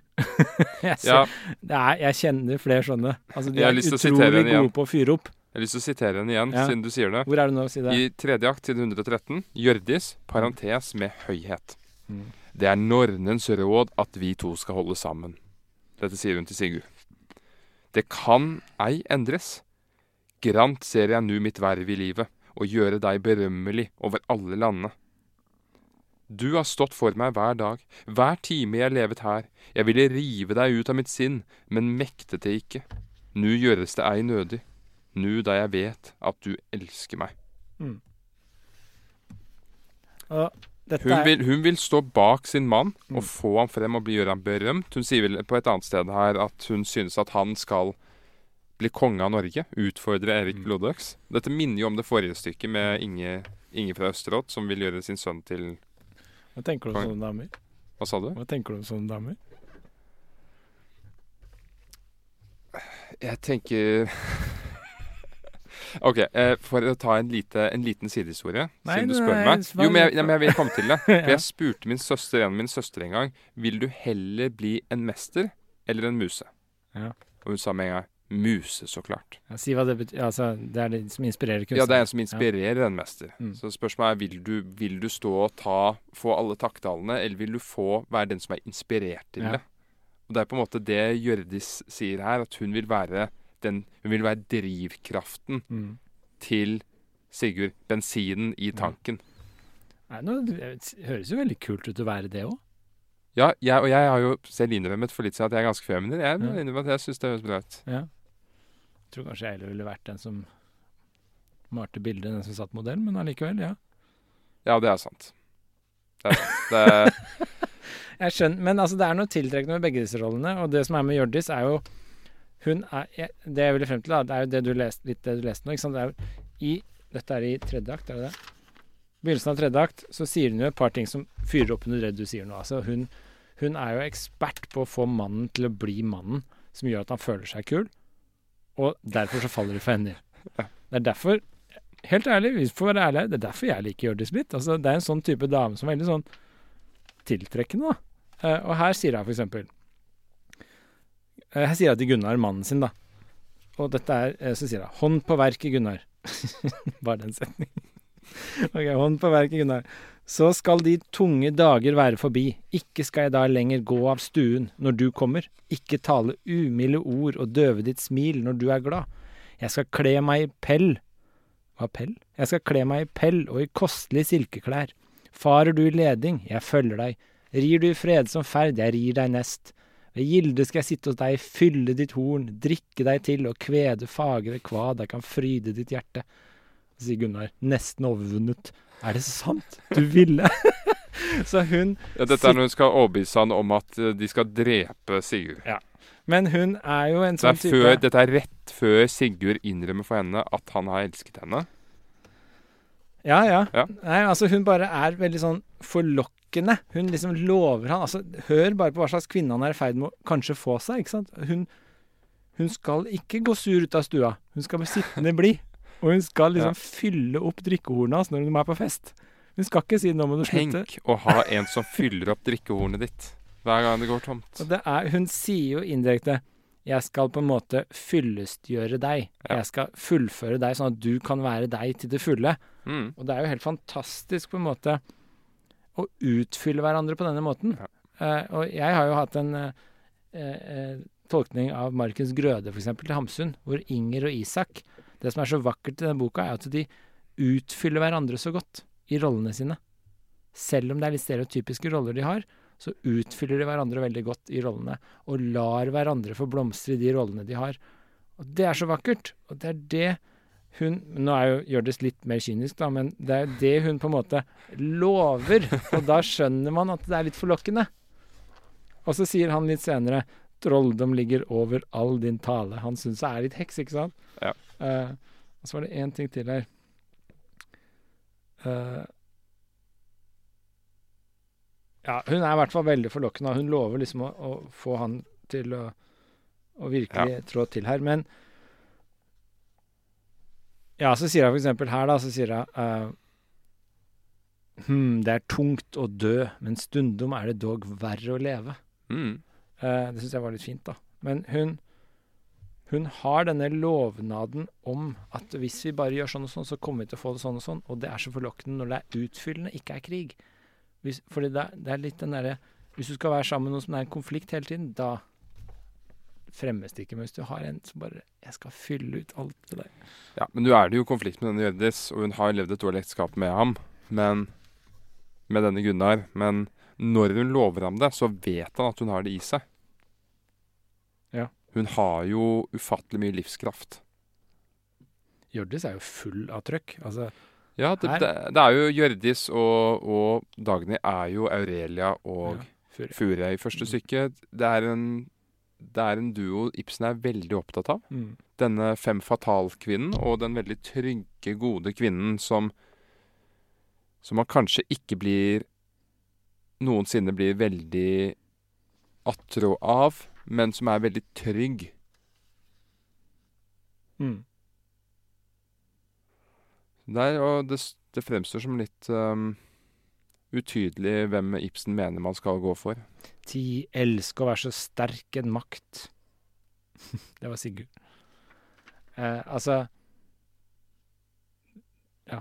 Det er jo det som driver de her òg, hvem skal du gå for? Men det er den konflikten som jeg, jeg nevnte tidligere, at uh, Elskoven er en sterk makt som driver under her. Men det roter til, for det, det er ikke synkronisert med rollene jeg har fått tildelt, formalia, ekteskap. Det er ikke synkronisert med det kollektive og strukturene der. Og så har du denne elskoven som en urkraft under. Mm. Og den river og ødelegger ganske mye. Har du lest Hedda Gabler? Hedda Gabler? Ja. Ja, men det er lenge siden. sånn type video. Dette er jo veldig likt Hedda Gabler. Ok, Det kommer vi jo til etter hvert. Det, den kommer vi Ja. til etter hvert. Men bare tenk på at hele stykket baserer seg på at den ene er blitt sammen med den andre, og det var Ja, altså, de skulle stokket om. Ja. Fordi det, Dagny og Gunnar passer jo hverandre. ja, de passer hverandre bedre. Og Sigurd og Men passer Sigurd og Hjørdis hverandre, egentlig? Ja, jeg tenker det. Men uh, Åpenbart Dagny altså, og Gunnar. Altså, efter alt som har skjedd, kanskje ikke. Mm. De innrømmer jo begge til hverandre at at det kan ikke gå nå. Eller, Mm. eller hun er vel kanskje litt mer åpen for at de kan bli sammen. At de kan bare droppe alt og dra til Island sammen. Men Ja, han er mindre sikker. ja, det likte jeg et sted hvor hun sier nettopp det. Hun sier jo at eh, Hun sier at de, de skal dra sammen og bare gjøre seg frie, og så sier hun noe sånt som at hvis vi Hvis vi Hvor er det? Hvis vi vil det, så blir vi frie. Altså Nå finner jeg det ikke. Altså Hun sier jo her på side 113 Onde dager føder onde tanker. For stor er den lit du har satt til meg. Jeg vil, jeg må følge deg. Ut i livet og i striden. Det er meg for lavt under loftet i Gunnar Herses stue. Ja, det, altså Vi er begge fri når vi selv vil det, og så er leken vunnet. Ja, der er den. Jeg, Mm. jeg har også strekt under den. Og det, det syns jeg er eh, innsiktsfullt. Vi er begge Ja, fri er når veldig, vi det er veldig kraftfullt av alt som har skjedd her. Folk har dødd, det er splid.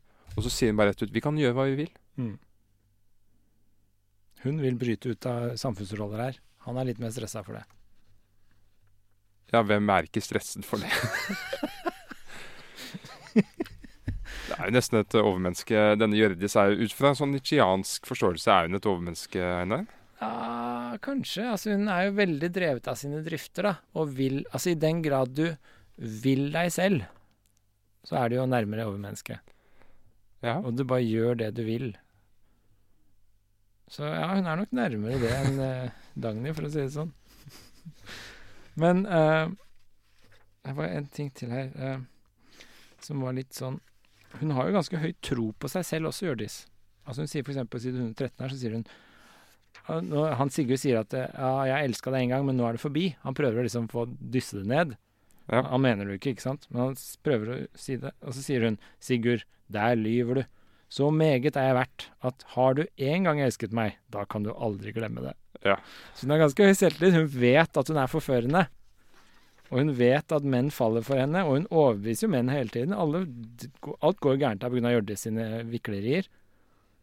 Gunnar, han Hjørdis står jo bak at Gunnar tar livet av Egil også.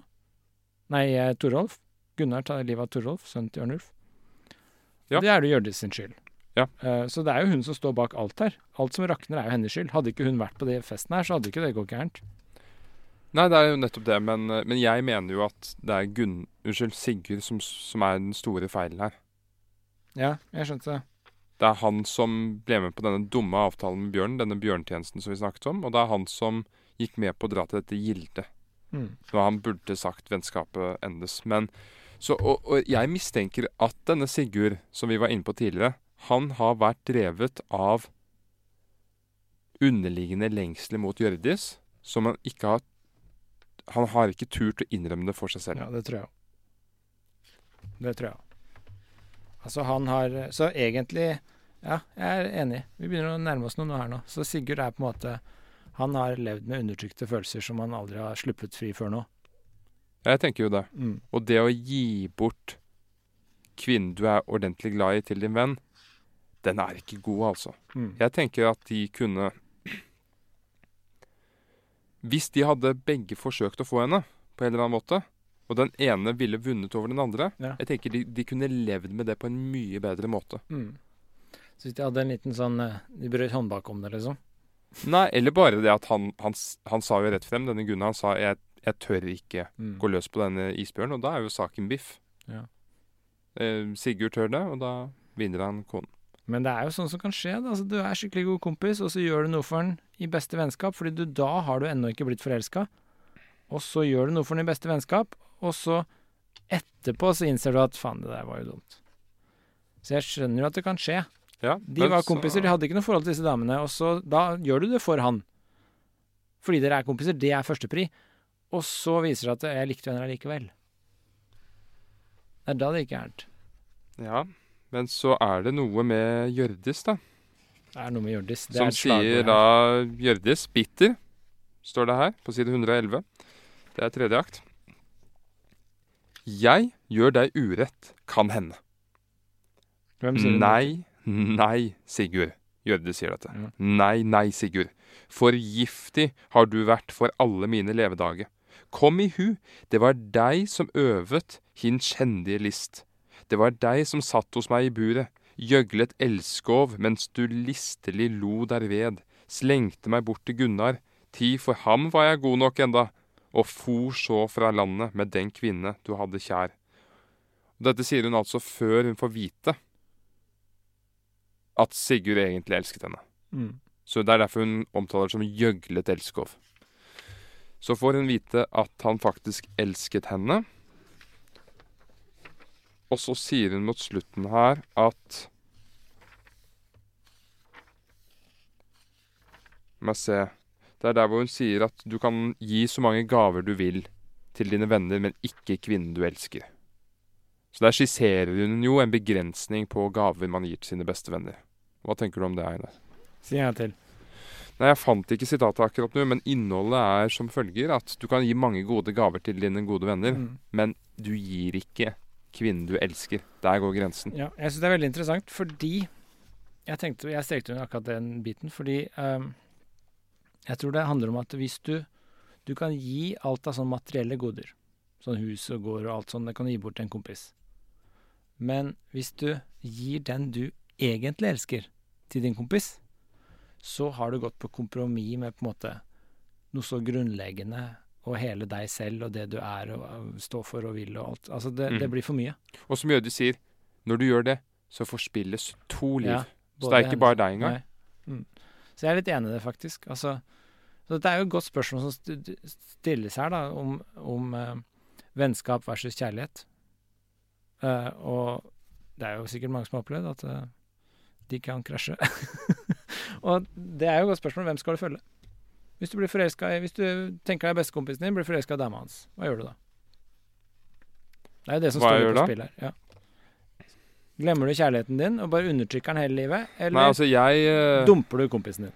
Jeg velger jo uh, vennskapet foran Så kjærligheten. du er Sigurd. Jeg har litt Sigurd-tendenser, men, eh, men, men jeg innbiller meg også at jeg skal kunne klare å oppdage når det er mer enn en simpel forelskelse, og det er en dypere kraft der, Ja. og at jeg da svikter vennskapet. ja, tror du du gjør det da? Jeg håper. Ja. Jeg håper. Nei, det så da er du enig, da? At da, det må du ikke gi opp?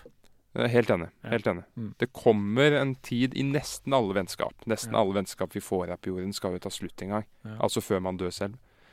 Og da, da skal man tåle det. Mm. Man skal skjønne når det er slutt. Man skal ikke drive og dra videre på Mm. noe som ikke fortjener livets rett. Hva om det var broren din? Meg og min bror. Ja. Eller hvis det var en, eh, en av brødrene dine, og så var det dama hans? Er det samme da? Tenker Oi, oi, oi. Ble, Det, det er tipsen Ibsen-drama. Da blir det verre. Ikke sant? Er det, en Det er faktisk er det en kompis fra skolen, så dumper du han for kjærligheten. Er det broren din, dumper du han for kjærligheten. Nå vet jeg at broren er har dame også, men det var ikke noe konkret eksempel jeg mente her nå. Nei, men Det er et utrolig ubehagelig motiv. Ja, Og hvis vi skal skrive teaterstykke sammen, så kunne vi kanskje det måtte være med. Ja. Så det, det stikker Ja. dypt, ikke sant? Ja, fordi det blir jo ikke noe, det blir jo ikke noe ordentlig teaterstykke hvis du ikke tar alt det mest ubehagelige Nei. med. Så det må være liksom Nei, så Ja. den er ubehagelig. Ja. Eh, nei, vet du hva? Hvis det er den kjærligheten jeg, ja. jeg snakker om, så hadde jeg kanskje valgt det fremfor min bror, ja. Ja, du hadde det? Nei, altså Ja, hvis det er denne, denne ene saken som Ekte, ene Ja, jeg liker kjærligheten ikke ordet ekte. sånn Jeg liker ikke ordet ekte. altoppslukende. Det er liksom denne grunnleggende, dype kjærligheten som ikke bare er sånn og du har litt lyst på. Det er mer sånn ordentlig sånn du vil denne personen alt godt, fordi du Nettopp. elsker denne personen. Nettopp, og som du tidligere var inne på, dette med at man Da forlater du hele Man- man din blir- familie og drar til Bahamas med denne damen. For eksempel. Men at dette mennesket skal gjøre livet ditt fullendt. Ja. Og dere skal utfylle hverandre og nå deres potensial til det fulle. Mm. Ja, nei, da måtte jeg kanskje ha sagt uh, adjø til min bror. Hva tenker du om den personen som da gjør det motsatte? Som sier adjø til kjærligheten, nekt, fornekter den, og Ja, det er jo den mannen vi har her, Sigurd. Ja, men hva tenker du om det? Ja, nei, mitt, mitt ståsted er jo tydelig på det. Jeg sa jo tidligere, men at han er den store skurken her. Jeg tenker det er noe ærefullt over det òg. Nei, det er, det er kvasi-ærefullt. Det er ikke Mm. virkelig ærefullt. Jeg tenker at eh, sånn som Ørnulf opptrer her det, Jeg tenker at ære handler mer om form. Mm. At du gjør det du vil, men måten du gjør det på, det er der æren kommer inn. Mm. Du skal ikke begrense dine ønsker. Og så kan det jo være sånn at hvis det gjelder ens bror, da, så kan det, hvis du da Så er det to scenarioer. Du dumper din bror og går for dama. Da bør kjærligheten til dama være sterkere enn kjærligheten til broren din. Og hvis denne personen gjør motsatt, og, og undertrykker kjærligheten til dama og beholder vennskap med broren sin, så bør jo kanskje det vennskapet være sterkere og mer verdt enn kjærligheten til den dama. Mm. Så hvis kjærligheten til dama er sterkere og mer verdt, så går man for det. Er vennskapet sterkere og mer verdt, så går man for det. Er det det som du tenker liksom er det ordentlig ærefulle? Så det, det som ikke er ærefullt ved å liksom undertrykke kjærligheten til dama, er at Jeg syns er det, det du snakker om nå, er litt vanskelig fordi problemet her oppstår jo når man når man ser tilbake på de valgene man har tatt, mm, og så innser man søren, jeg valgte feil. Mm. Så blir spørsmålet hvordan kan man, hvordan kan man velge riktig i øyeblikket? Mm. Det, det er veldig vanskelig å si. Mm. Og jeg har ikke lyst til at Jeg har ikke lyst til at um, definisjonen på ærefullt skal bero på å ta et rett valg. Jeg vil heller at ærefullt skal ha noe med fremtreden å gjøre. At uansett hvilket valg man gjør, så gjør man det på den ærefulle måten. Skjønner. Mm. Så du ville liksom på en måte sagt klart ifra og stått for det, i Ja, stedet, mer for, sånn, i stedet for bare å blokke nummeret til broren din? Nettopp. Nettopp. Jeg ville gjort det på en annen måte enn du, du ville gjort det. Ok, Så du ville ikke bare flydd av gårde og bytta telefonnummer? Skjønner. Ja. Eh, Nei, altså, nå er, vi, ville- nå er vi inne på noe her. Altså, jeg ville jo kanskje gjort det, Ja. men det er jo ikke det jeg vil Nei. at jeg skal ville. Nei, Du ville kanskje gjort det i praksis, men du burde ikke gjøre det. Nei, nettopp. Men altså, det er jo noe veldig fint på side 111 her, så sier jo da Sigurd Dette henger sammen med alt vi har snakka om hittil. Mangt verk mekter menns vilje å fremme, men de store gjerninger styres av skjebnen. Så er det godt med oss to. Uh, og husker du forrige gang vi snakka om skjebnen? Det syns jeg var litt interessant. Det tenkte jeg på litt i løpet av uka. Dette med at vi kan jo gjøre mangt og meget, vi unge menn, var det det? Mektige menn. Ja, si det som det er, Reine. Vi kan jo gjøre mangt og meget, men skjebne styrer vi ikke over. Eh, det er noe interessant med den der tanken om at eh, noen ting råder du bare ikke over, ikke sant? Altså, jeg liker å tenke at jeg rår over all min egen Altså at jeg rer med egen seng, da. Så når jeg legger meg om kvelden, så ser det sånn ut som jeg er redden. Jeg liker å tenke det om alt, men det er Hva var det du sa? Sa du nå at du rer ikke din egen seng? Var det det du sa? Jeg sa at man rer, man, man, legger, man rer sin egen seng. Altså, du får den senga Du legger deg i den senga du er redd sjøl, da. Det er et Ja. uttrykk, tror jeg. Med mindre det er noe som rer sengen din. Det er sant, men det kan vi ta en annen gang. men poenget er at eh, jeg liker å tenke at alt er opp til meg. Men i praksis er det jo ikke sånn. Og, og det er jo noe med denne Det er kanskje noen sånn litt sånn skjebneaktige ting som vi ikke rår over. Så hvis du da har denne intense kjærligheten overfor en dame, så er det liksom ikke opp til deg å gjøre om på det. Du, Nei, det må bare, det. du må bare gi deg hen. Eller omvendt, hvis du på en måte har denne Du er liksom ansvarlig for en familie, og du kan ikke da dumpe hele den for denne ene kjærligheten eller stormende forelskelsen, fordi skjebnen din er festet på denne gården, eller hva det måtte være. ikke sant? Ja. Altså, Så det er noen sånne store ting, og det har jeg veldig sans for. De som på en måte bare sier sånn Nei, det er nok dette jeg må ro i havn, liksom. Jeg kan ikke baile nå. Mm. Det syns jeg er veldig ærefullt. Og hvis noen gjør det, ofrer noe Altså, hvor mye er du villig til å ofre? da? Det har vi snakka om før, ikke sant? Sånn som Abraham ofrer Isak i Bibelen, er det ultimate offeret. Hvor mye er du villig til å ofre for noe som er litt sånn det kommer jo igjen Dette er på en måte min skjebne. Er ikke Isak den yngste sønnen til Abraham? Det er den eneste. Ok, det er den eneste. Men allikevel, det er også et tema i dette stykket. Jeg vil bare nevne det. Ja, ja, Torolf er den yngste til Ørnulf. Fordi eh, ja, Torolf er den yngste til Ørnulf, den sønnen han elsker mest. Og så har du denne ene sønnen som heter Egil. Han er den ene sønnen til Gunnar. Gunnar, som riktignok ikke dør, men som man får vite i første akt Mm. han har sendt ham sørpå for å beskytte sønnen mot et eventuelt angrep fra Ørnulf. Mm. Så det beskrives også i disse stykkene som det aller viktigste. Sønnen. Yngste sønn. Eller yngste sønn, ja. Det syns jeg, det synes jeg er helt riktig, for jeg, Nei, nei, jeg er yngste yngste sønn. Ja, ikke sant. Jeg er også yngst. Men nei, nei, nei, nei. altså den, den bibelhistorien med den yngste sønnen, det er vel han med denne kappen med alle farvene. Hvilke historier? Han som blir eh, dyttet ned i denne brønnen, eller hva ja, det er for noe. Moses. Sisternen. Ja. Nei, ikke Moses. Han som drar til Egypten og tolker drømmer. Josef. Josef. Mm. Han er vel den yngste. Ja. Som blir Jeg, elsket jeg mest. mente Josef. Ja. Ja. Brødrene hans dytter han i brønnen, og så selger han som slave Mm. til Egypt. Så kommer han tilbake mektigere enn noen gang, og da angrer brødrene. Han er yngst. Ja, han er yngst. Mm. Og, Det er jo alltid de yngste sønnene som er kulest. Det er jo helt opplagt det. Det er ikke noe vi lurer på, er det? Ja, nei, nei. Eh, Vi legger den død. Jeg er jo yngst alt i alt. Altså, jeg har ikke noen yngre søstre heller, det vet jeg du har. Mm. Så du er litt mer sånn gråsone men Ja. Yngste Ja. sønn er viktigst. Det er ganske grovt at du sier det, men uh, Fordi jeg, jeg kunne jo sagt det for spøk, men du har jo faktisk to sønner. Så du er, du er litt ute Å, å kjøre faen, det glemte jeg. Ja. det glemte jeg helt. Ja. Nei, nå tenkte jeg bare på min generasjon, ikke på den neste. Og du, og du tenkte kanskje på litt sånn idealisert virkelighet. Du tenkte Ja. ikke på din faktiske situasjon? Nei, jeg situasjon. tenkte ikke på min faktiske situasjon. Nei. Nei. Nei. For, å være helt alvorlig, så tror jeg faktisk at Jeg syns det, som du sa, det er litt rart hvor tydelig de er på favoritter. Fordi jeg leste en gang at eh, det var en psykolog Vikingen, altså. Ja. Fordi jeg leste en gang en psykolog som var intervjua, og så var det dette med at eh, familier så er det mange unger. Og så er det slik av og til at uh, Dette intervjuet var i Time Magazine. Så er det slik av og til at eh, alle i søskenflokken vet hvem som er mammaens favoritt. Alle vet hvem morens favoritt er. Og så var det spørsmålet til en psykolog hva bør foreldre gjøre med det her? Altså fordi som forelder da, så er det veldig vanskelig å ha en favoritt. Det kan være noen du har bedre kjemi med, men du elsker på en måte alle like mye. Eh, så det er veldig vanskelig å velge da, hvem du skal slippe ut for stupet. ikke sant? Det er veldig vanskelig å velge. Og så var det spørsmål av en psykolog som ble spurt da, om eh, hva skal foreldre gjøre. liksom? Skal de si, innrømme at de har bedre kjemi med den ene, eller skal de, hva skal de gjøre? liksom? Og så sa psykologen nei, nei, dette er noe foreldre bare må nekte på til de dør. bare total fornektelse. Bare si nei, nei, jeg elsker alle like mye, akkurat like mye, akkurat like god kjemi med alle. Og bare nekt. Ja.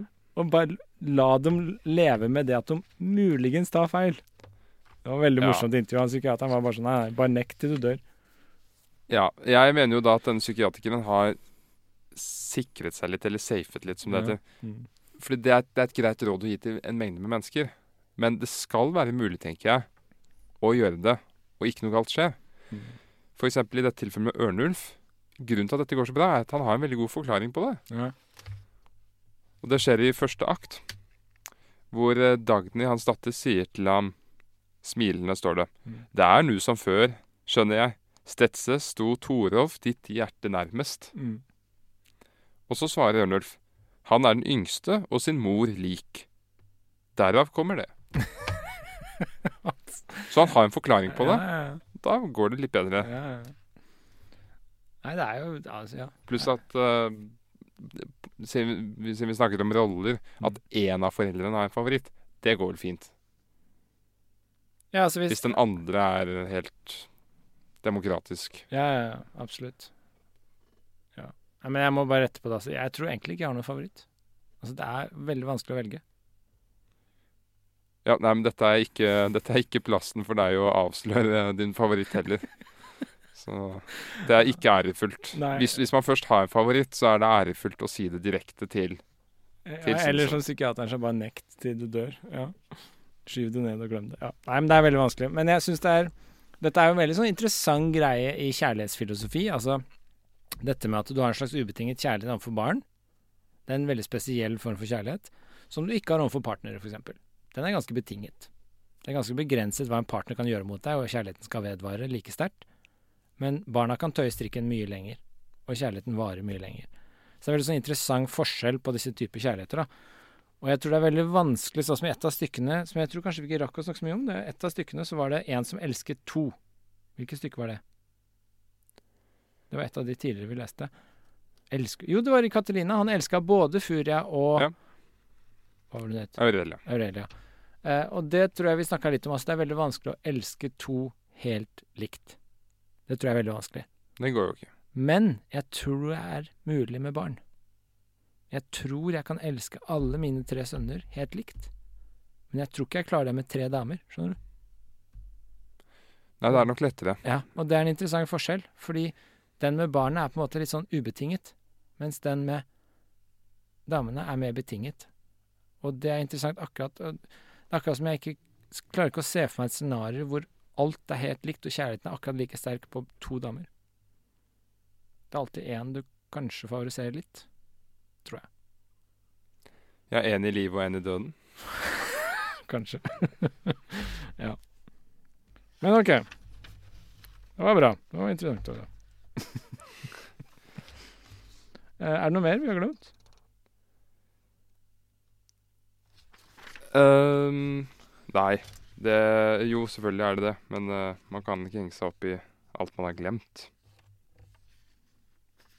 Jeg likte på, i begynnelsen av fjerde akt, så det er når han Ørnulf har det så fælt. Når han har innsett at alle er døde, alle sønnene hans er døde. Ja. Og så, eh, eh, så sier Ørnulf liksom sånn Ja, jeg orker ingenting og sånn. Han er deppa. Og så sier Sigurd uh, til da Dagny, kona si, så sier han Så sier Sigurd Tal nå til ham, Dagny. altså, altså Sigurd gikk ikke og gjorde det sjøl. Han, han liksom sa til Dagny Gå og snakk med han, da. Ja. han klarte ikke å gjøre det sjøl. Det syns jeg var veldig sånn Kjente meg veldig Det er sånn Gå og prat med han, da. Gå og ordne opp, så slipper jeg å føle så mye på dette her. Ja. Det syns jeg var litt morsomt, da. Ja, den er fin. Og så kommer det et fint kvad. Jeg syns det også er en fin måte det beskrives hvordan Ørnulf er skikkelig deppa, da. For Dagny går jo da bort til henne, og Sigurd sender henne bort.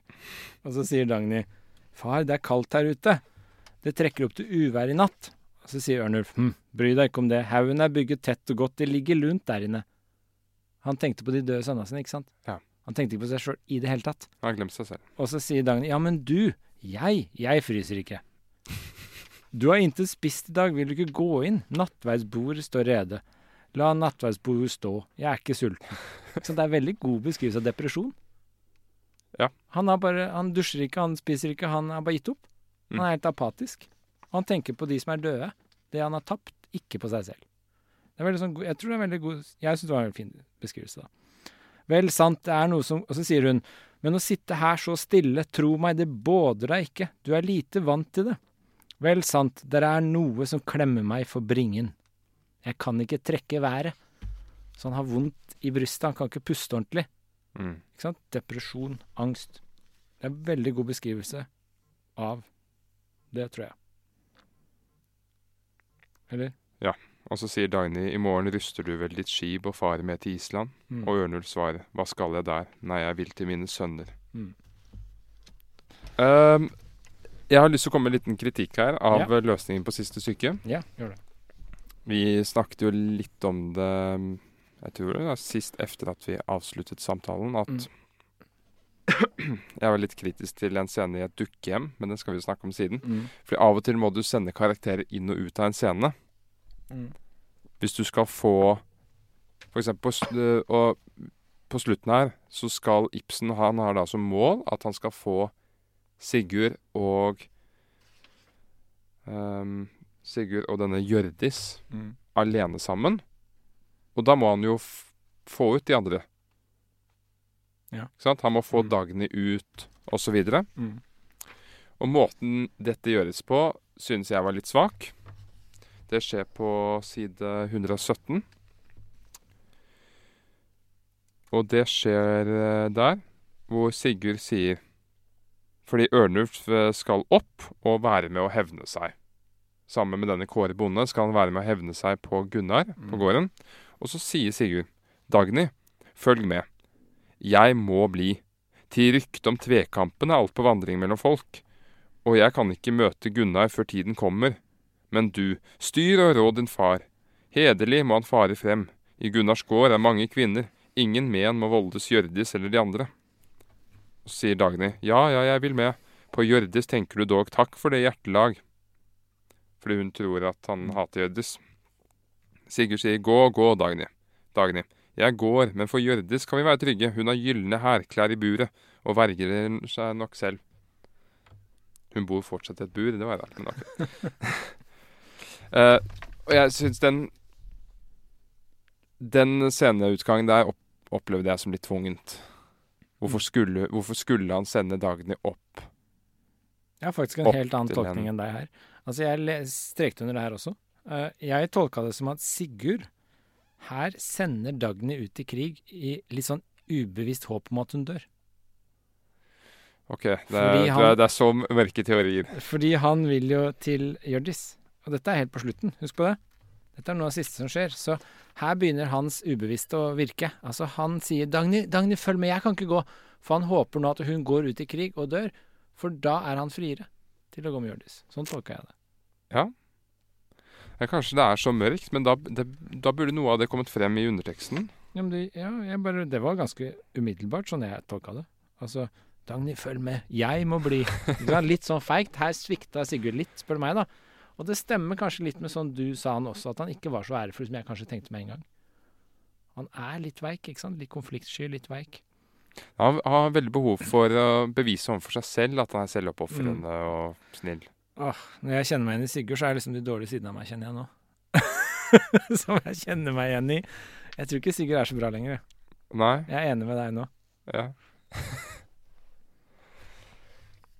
Det er Ørnulf, vet du. Det er faktisk Hjørdis og Ørnulf. Det er de som burde vært sammen, men de er jo stefar og stedatter. ja. De kunne blitt et mektig par, da.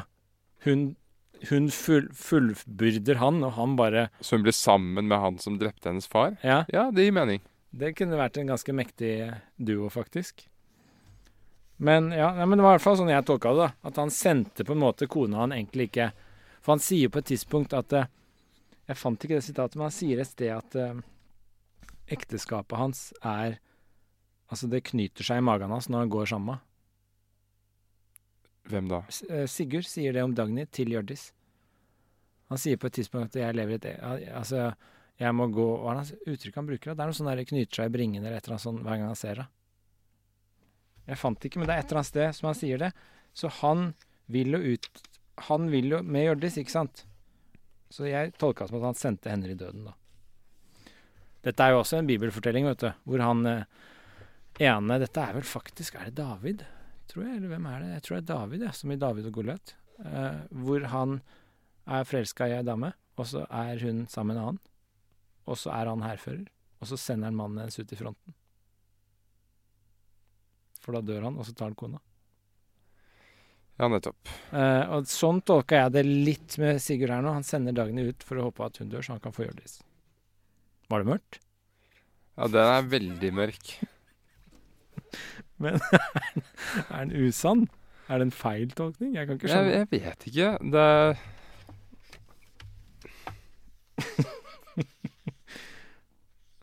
Altså Det er jo et uh, karakterdrap uten like, da. På Sigurd? Ja. Ja. Fordi vel er han svak, men Ja, men jeg føler at du gjorde det helt i begynnelsen, jeg. Ja. Du tok livet av Sigurd for meg helt i begynnelsen. Når du sa det som han er ikke noe ærefull, han er bare konfliktsky og veik. Ja, det var jo det jeg kom frem til. Ja. Så jeg bare fullførte ditt begynnende karakterdrap. Ja, det er sant. Det, jeg burde ha ventet det. uh, Men det uh, Jo, her er det han sier det. Dette er helt på slutt. På side 117 så sier Sigurd Nå snakker han med Hjørdis. Så sier Sigurd eh, Fordi Hjørdis sier jo først at du, vi skal bli sammen og følge. Så sier Hjørdis Jeg ble hjemløs i verden fra den dag du tok en annen til Viv. Den setningen syns jeg er veldig fin, forresten. Fordi hun ble hjemløs. ikke sant? Du føler deg hjemme når du har funnet den ekte kjærligheten. Det er det som ligger litt mellom linjene der. Det tror jeg er ganske sånn fin måte å tenke på hvor du hører hjemme. Du hører hjemme ikke nødvendigvis et sted, men der du på en måte er fullbyrdet. Der hører man hjemme. Det syns jeg er litt fint. Det sier Hjørdis her, men det var ikke det jeg skulle si. Og så sier hun uh, Litt lenger ned så sier hun uh, Hadde vi to holdt sammen, da var du blitt navnkundigere og jeg lykkeligere enn alle andre. Ikke sant? Her er den greia med mannen skal ha et godt navn, og hun skal fullbyrde og gjøre det, og da er hun lykkelig. Men så sier Sigurd. Unyttig er den klage nu. Mener du det er lystelig det liv jeg har i vente? Hver dag å være dagn i nær og gjøgle en elskov som hjertet klemmes ved. Det er en god Ja. beskrivelse på et dårlig ekteskap, det. Han Ja, og der siterer han jo. Der siterer han det som fordi tredje akt så anklaget jo Hjørdis ham for å ha gjøglet elskov med henne i buret på Ja. Men nå bruker han den, den beskrivelsen på Dagny. At Mm. nei, nei. Det er med Dagny at jeg gjøgler elskov. Ja. Det er en veldig flott gammeldags beskrivelse av å forfalske orgasme. Ja. er det det? Det, det må jo være det. At man gjøgler elskov. Jeg tenkte ikke på orgasme, jeg tenkte på at det var liksom gjøgle At han faka sin kjærlighet overfor hender. Jo, det er jo gjøgle elskov. At elskoven er ikke virkelig. Den er jo fysisk jo, men- virkelig, men det er ikke Jo, men tenker du elskov nå umiddelbart å ligge sammen? Jeg tenkte på Ja, ja. kjærligheten i hverdagen, jeg. Nei, jeg tenker på Ok. mm, Ja, liksom. interessant. Men Jeg er kanskje litt mer freudiansk enn deg. Det er interessant. Men jeg bare syns det er så vanvittig sånn presis beskrivelse, på en eller annen måte. Hver dag å være Dagny nær. Det er det han tenker. Tenk deg, altså Det høres jo ikke bra ut. Hver dag Det er første gang Sigurd på en måte egentlig er ordentlig ærlig, føler jeg. Han bare åpner seg helt og sier 'hver dag å være' Ikke sant? Han sier 'mener du det er Og dette lyst-" sier han jo rett etter at han har sendt Dagny opp til den brennende gården. Ja, for å dø, liksom. Så jeg, jeg begynner å akseptere din tolkning der nå. Og så sier han Bare hør det her om igjen. Mener du det er lystelig, det liv jeg har i vente? Hver dag å være Dagny nær og gjøgle en elskov som hjertet klemmes ved. Og dog, det må så være, fortsetter han. Endres kan det ikke. Så han er også feig. Stakkars Sigurd. Han høres jo helt jævlig ut, det livet han lever nå. Han er også i et fengsel. Alle sitter i fengsel her, egentlig. Det er jo helt grusomt. Det er ikke rart de blir gærne, disse folka her.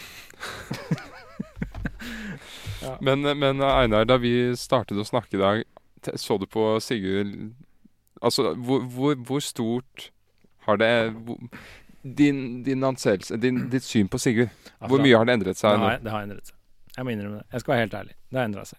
Er det ikke rart hvordan med den setningen 'Jungle elskov' Mm. Både du og jeg har lest den. Ja, vi har lest den, men når jeg sa den nå, så satt den hardere. Ja, Jeg er jeg, helt fordi jeg oppfattet ikke den så sterkt som du Nei. Altså, jeg begynte Jeg skal være helt ærlig. Jeg kom hit i dag og tenkte at Hjørdis og Sigurd var liksom det kule paret. Mens nå så har Sigurd falt så til de grader. Og fremstår som en sv svekling, egentlig. Og så har Ørnulf steget litt. Jeg er enig med deg.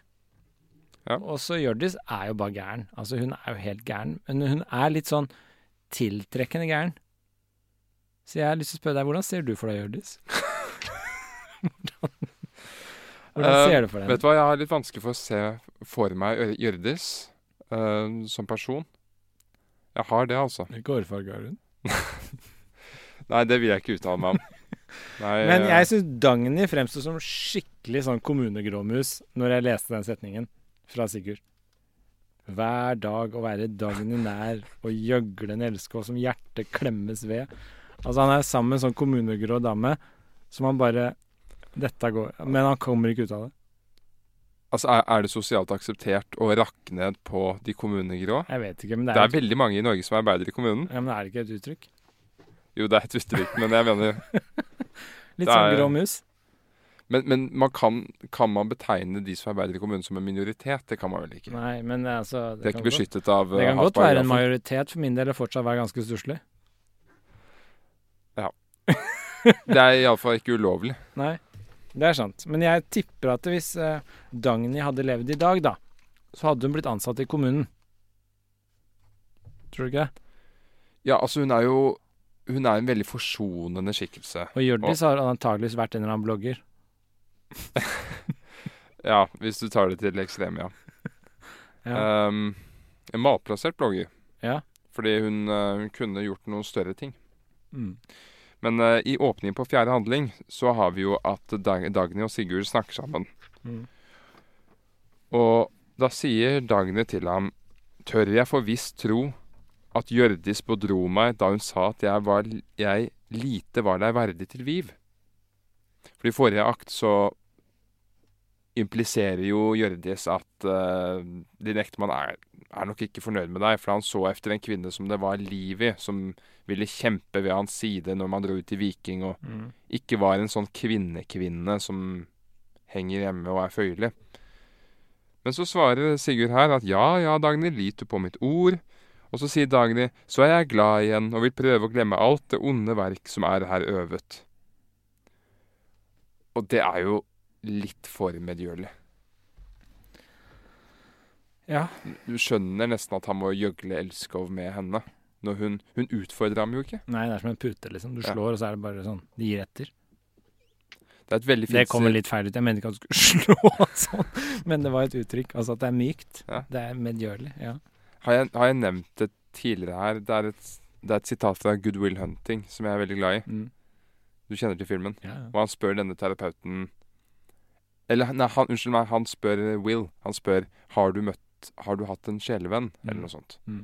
Og så sier jo han med en gang, for han er, han er sånn som oss, som, uh, som unngår å snakke om følelser og begynner Ja. å snakke om begreper og sånn. Ja. Og så sier han bare sånn uh, Kom med en definisjon av sjelevenn, sier han. Det er sånn som vi holder på. Ja. Og så svarer han uh, dette glimrende svaret at en som, utfordrer, en som utfordrer deg. Ja. Og den syns jeg er veldig fin. Mm. Ikke en som gjør deg glad og, Ja, ja, ja. og gjør at det blir avslappet stemning og sånn. Mm. Nei, en som utfordrer deg. Da er vi kommet til kjernen. Så da kan egentlig din verste fiende være din sjelevenn. Det har jeg litt tro på, faktisk. Ibsen har iallfall tro på det, så, Ja. kan det synes. Jeg har litt tro på det. Altså det på mange måter eh, Dine verste fiender kan være de du respekterer mest, ikke sant? Ja. Eh, fordi de utfordrer deg ordentlig der det betyr noe. Hvis det er gode fiender, da. Det har jeg tro på. Det blir jo som Ibsen som selv um, hadde et portrett av August Strindberg på sitt skrivekontor Mm. i slutten av sitt liv i Oslo. bak ryggen over det Bak ryggen, ja. Ja, det henger uh, Inni skrivestua hans på, i leiligheten hans i Erbins gate, så henger det svære August Strindberg. Og hang det der for at han skulle motiveres til å gjøre det bedre, for å slå han. Nettopp. ja. Så da har av respekt Christian Krogh, ikke sant? sant? Ja. Mm. Det er kanskje et av hans beste portrett. Det er veldig fint. Jeg så det for ikke så lenge siden jeg var på det museet. Det er veldig fint. Ja. Det er litt sånn eh, vel, Flere av Christian Kroghs portretter syns jeg er litt sånn tamme. og litt sånn Jeg synes hun, den syke piken i Nasjonalmuseet Jeg synes den er veldig tam. Og også dette kvinneportrettet. ja. Husker du? Hun som ser litt til siden. Mm. Det er litt Dagny. Ja. Det er litt svakt, mens det Strindberg-bildet, hvor han står som Mm. den store kappen, han er nesten som en gigantisk bille. Jeg, synes, jeg har litt sånn svakt hjerte for Christian Krogh, så jeg syns mye av det han gjør, er veldig kult. Men han er jo litt mer variert enn f.eks. Munch, da. Det er liksom noe som er ganske dårlig, og så er det noe som er veldig bra. Men, Munch er veldig variert i kvalitet. da. ja, men det er mye mer likt. Du skjønner mye mer liksom Munchs greie hele veien. Det gjør det ikke med Christian Krogh. Det er veldig mye sånn leken. Han er mye mer leken og mye mer sånn Ja, sånn tematisk Ja, sett. alt og Ja. måten han gjør det på, liksom. Altså, alt er mye mer sånn Ja. Men jeg har sans for noe av Christian Krogh veldig. Noen av portrettene. Jeg syns det maleriet av Oda, eksempel, med rød skjorte, er helt fantastisk. Syns du det? Ja, jeg syns det er så vakkert. Jeg var sånn ungdomsforelsket i Oda pga. det maleriet. Å ja, ja, ja. Men Oda er jo en sånn uh, En sånn Oda er liksom Eller, fem fatale, ja. Mm. eller Hjørdis. Mm, hun er det. Men eh, ikke så ille som Hjørdis, det er hun ikke. Men, Det vet vi ingenting om. men hun er jo litt sånn uh, som, Ja, hun er jo litt sånn Furia Hjørdis-aktig fremfor Dagny og Men jeg liker ikke det portrettet. Å nei, hvorfor ikke? Jeg syns nesen har altfor lite volum. Men det er flere ting, da. Men jeg syns Ja. kanskje det er det verste. At jeg syns nesen nesten går litt sånn innover. Jeg syns det er så levende vakkert. Jeg, jeg er sånn fortsatt forelska når jeg ser det. Men, det, men da er du, du er blendet. Du Jeg kan, ikke, du kan ikke bedømme verket Nei, nei. Altså, jeg måte. bedømmer det ikke objektivt på noen som helst måte som et portrett. Jeg bare, det er Men jeg syns du skjønner at det er malt med kjærlighet.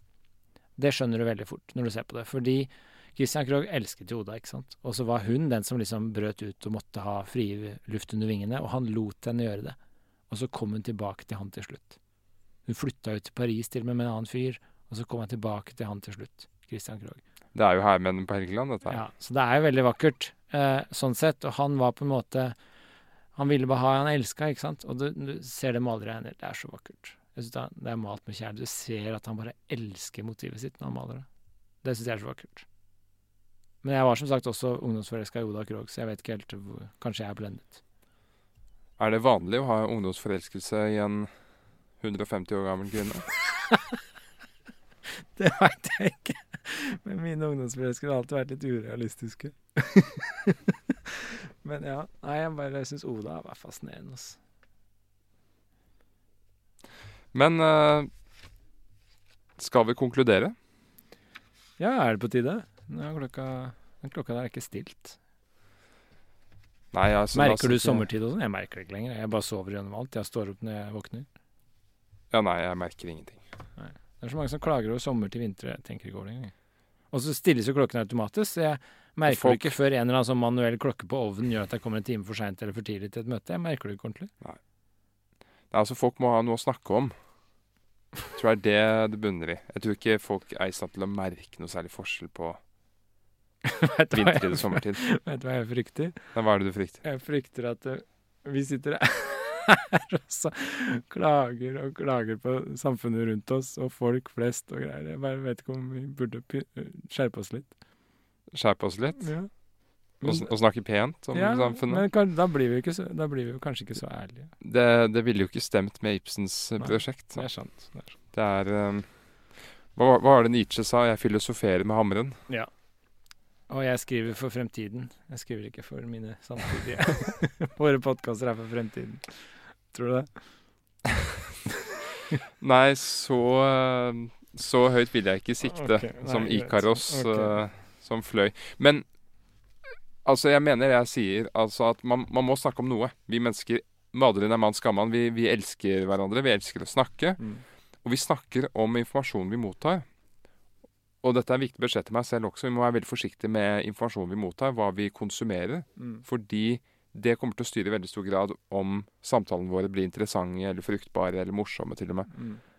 Så vi skal lese litt mindre i avisen om at klokken stilles. Vi skal bare la den stille seg selv. ja, ja. Og så skal vi heller lese noe interessant litteratur, se en interessant film, et eller annet som er fruktbart. Ja, jeg leser ikke aviser lenger. Leser du dagsaviser sånn på daglig basis? Ja, jeg leser NRK.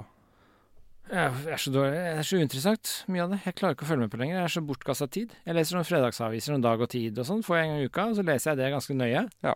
Men jeg klarer ikke sånne dagsnyheter, sånn derre hva som skjer akkurat nå. Jeg får ikke gjort noe med det. Det angår meg ikke. Jeg, det er helt uvesentlig. Da vil jeg Mm. heller ha en litt mer gjennomtenkt artikkel på en fredag. Ja. Jeg orker ikke sånn derre Å, hva skjer akkurat nå? Jo, og så står det en reporter live og sier ja, nå, nå er det litt kaotisk og ingen vet ordentlig, og så, og så er det ikke ny informasjon. Ja. Da leser jeg heller god litteratur. Nei, men det er jo en av, en av våre si, ikke, ikke borgerskapet, men, men befolkningens eh, største ansvar i dag, det er å velge med måte. Ja. Informasjon. Hvilke informasjon de leser. Fordi vi har ikke en, vi har ikke en begre, eh, ubegrenset hjerne Nei. som kan ta imot hva som helst. Vi må begrense det ned, og vi må få god informasjon. Ting vi kan bruke. Er helt enig. Velg med. Så det er jo ikke sånn som på vikingtiden som vi leser om her, at, eh, at du opplever noen få ting som blir veldig gjeldende for livet ditt, som Mm. er skjebnesbestemt. Det er kanskje derfor vi ikke snakker så mye om skjebne lenger, fordi vi, vi har tilintetgjort skjebnen. Ja, Vi har bare masse valg. mm. Det er noe av det jeg har tenkt på mest siden vi snakka i forrige uke. Det er skjebnen. Ja. Som et sånt fenomen. Altså at vi kanskje undervurderer begrepet skjebnen.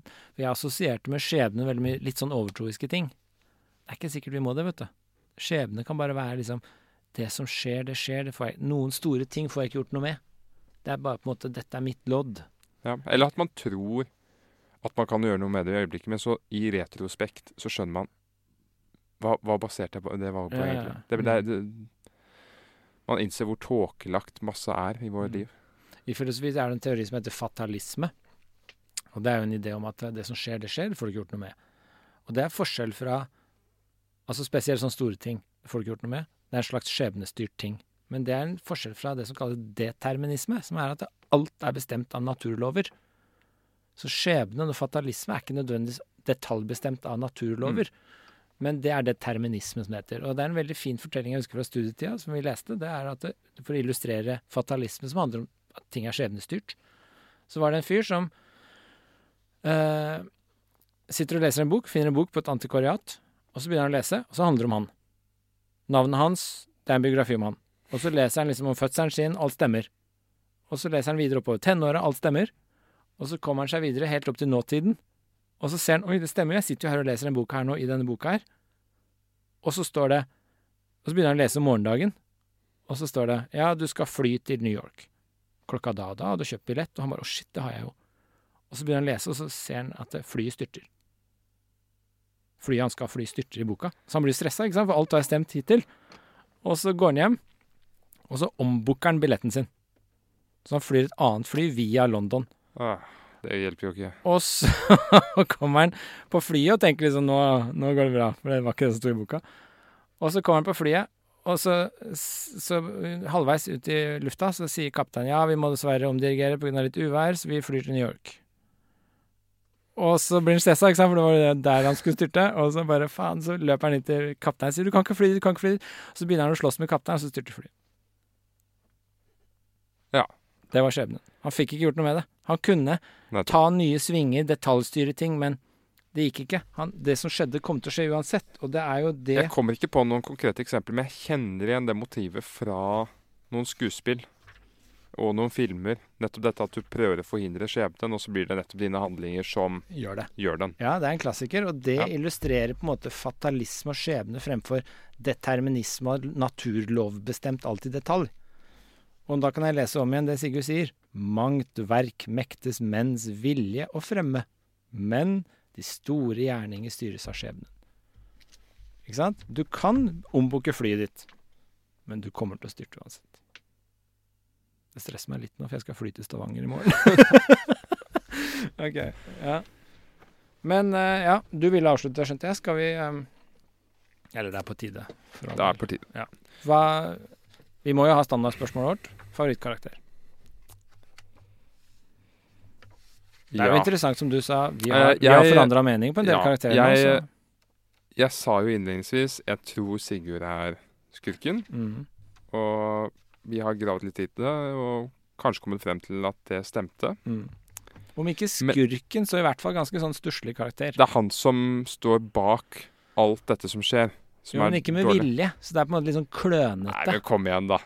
Skal man Men skurk, der føler jeg Det- at han, det blir Jeg føler Hjørdis er skurk. Så kristent kan det ikke bli. Altså, jeg mer- merket, det er veldig kristent å snakke om at man hadde en god vilje, og derfor var det greit. Men den holder ikke. Nei, ikke derfor er det greit, men for meg er han mer sånn klønete. Han er skyld i det, men han er ikke noe skurk. Nei, nei. Men, men det var nettopp Hjørdis er mer skurk. Ja. Ok, sorry. men, men det jeg egentlig hadde lyst til å si, da, er at selv om jeg ser at han har gjort alt det som er ille, så er han min favorittkarakter. Ok. Fordi det er så ekstremt mye jeg kan lære av ham. mm. For eksempel denne lærdommen om at det finnes faktisk en veldig konkret grense på hvilke gaver du gir til dine venner. Mm. Og det er noe med den som røver kvinnen. Mm. Dette må ikke. Den Det kan være noe annet også. Det kan være en banan eller et eple. Altså, den som, den som utøver dåden, den skal få fortjenesten. Ja. Må ikke tulle det til sånn at én gjør dåden og en annen tar fortjenesten, fordi Nei. da det blir feil. Så den som, har, den som har gjort det, skal få ære eller ska, skam. Ikke late som noe annet. Man, man må ikke bytte om de rollene. Mm. Så, så jeg har lært veldig mye av Sigurd, og Mm. jeg kjenner meg igjen i ham. Jeg tror også du gjør det. Litt. Ja, altså jeg kjenner meg jo veldig igjen i Sigurd, men nå føler jeg at jeg bare kjenner meg igjen på de dårlige sidene i Sigurd. Nå føler jeg det, må du, det må du ta til deg. nå nå føler jeg Sigurd er min dårligste side. Og det vil jeg ikke ta til meg. så, så Men Sigurd var jo litt den der jeg tenkte var min favorittkarakter, men som sagt, nå er jeg veldig i tvil. Jeg vil jo som alltid slå et slag for disse sterke, driftige kvinnene, da. Så Hjørdis liker jeg jo mer og mer. Jeg gjør det. Um, men hun er jo på en måte klin gæren. Jo, men hun er jo klin gæren fordi hun er i et gal forhold. Ja, Hun er i en gal, gal relasjon. det er liksom konteksten rundt som har gjort henne gæren, kanskje. Ja. Hvordan ville hun vært hvis hun ble sammen med Sigurd i sin tid? Kanskje Ja. det ville stått helt annerledes. Jeg husker, Dette var en sånn veldig viktig sånn lærdom jeg fikk av Ole Martin når vi leste Bibelen. Så drev jeg og klagde på en eller annen karakter, jeg husker ikke hva det var. Så sa Ole Martin Jo, jeg tror det var Abel. Kain og Abel. Så drev jeg og sa Kain er jo mye kulere. Han ble det jo byer ut av, og han fikk jo litt kultur og liv ut av seg, mens Abel var jo bare liksom ute på jordet og gjeta sauer. Men den vanlige forståelsen er vel at Abel er den gode. Ja, Abel er den gode, og jeg slo et slag for Kain. Så skal fordi- du være kontrær. Nei, nei, jeg mente det oppriktig. Jeg slo et slag for Kain. Og så sa jo Ole Martin ja, men det kan jo hende Abel hadde reagert annerledes, eller Kain hadde reagert annerledes hvis det var i en annen kontekst. ikke sant? Altså, Hvis du blir satt på en prøve i en annen situasjon, så reagerer du vet aldri hvordan folk reagerer når de er i en kontekst de ikke har vært i ennå. Og det er jo litt sånn lærdom, da. Så hvis Hjørdis hadde vært i en annen kontekst, i et annet ekteskap, hun hadde kommet bedre ut fra begynnelsen av, så kunne hun ha kommet ut som en mye bedre person. Ja, det er jo denne, det vanlige med å si at ikke, ikke be en fisk om å fly. Ja. Og ikke be en Et fly om å svømme. Ja, et eller annet sånt.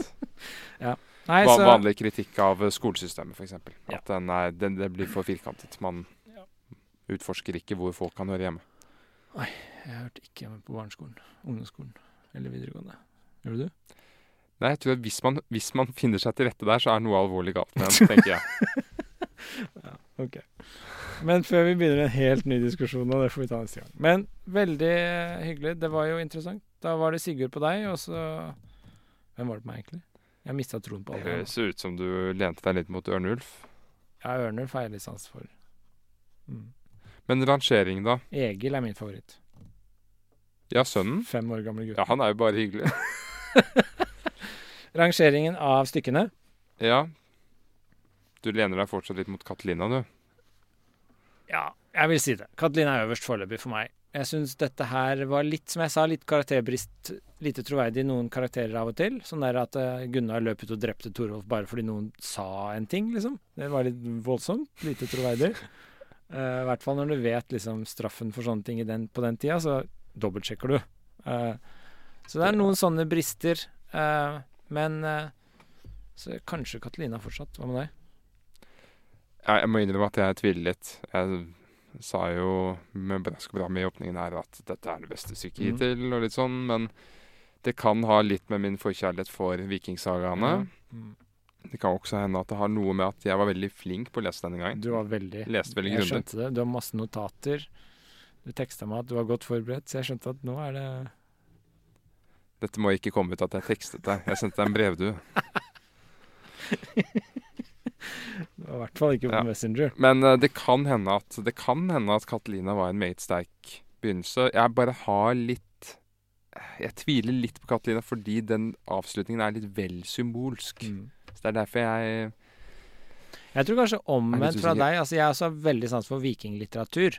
Generelt. Sagaen og romaner om vikingene. Jeg liker alt som har med vikinger å gjøre. Og derfor ble jeg kanskje litt skuffa. Ikke sant? Fordi jeg, Ja. jeg syns det var litt sånn karikert. Og litt lite troverdig til tider. Valga de tok. Men så er det jo Vi har jo sittet her nå i over to timer, så det er jo interessant. Det er alltid interessant å hente ting, interessante ting å hente i et Ibsen-stykke. Og det ble bedre på andre lesning. Ja. Dette stykket. mm. Ja. Og jeg synes fortsatt at at det er litt ryddigere enn Inger fra Østerått. Jeg synes det. Ja, det var litt rotete. Men Inger fra Østerått kunne kanskje fungert eh, som en TV-serie. Jeg vet ikke. En kar du vet en karakter vi ikke har snakka så mye om? Hvem da? Kåre. Kåre Bonde, ja. Ja.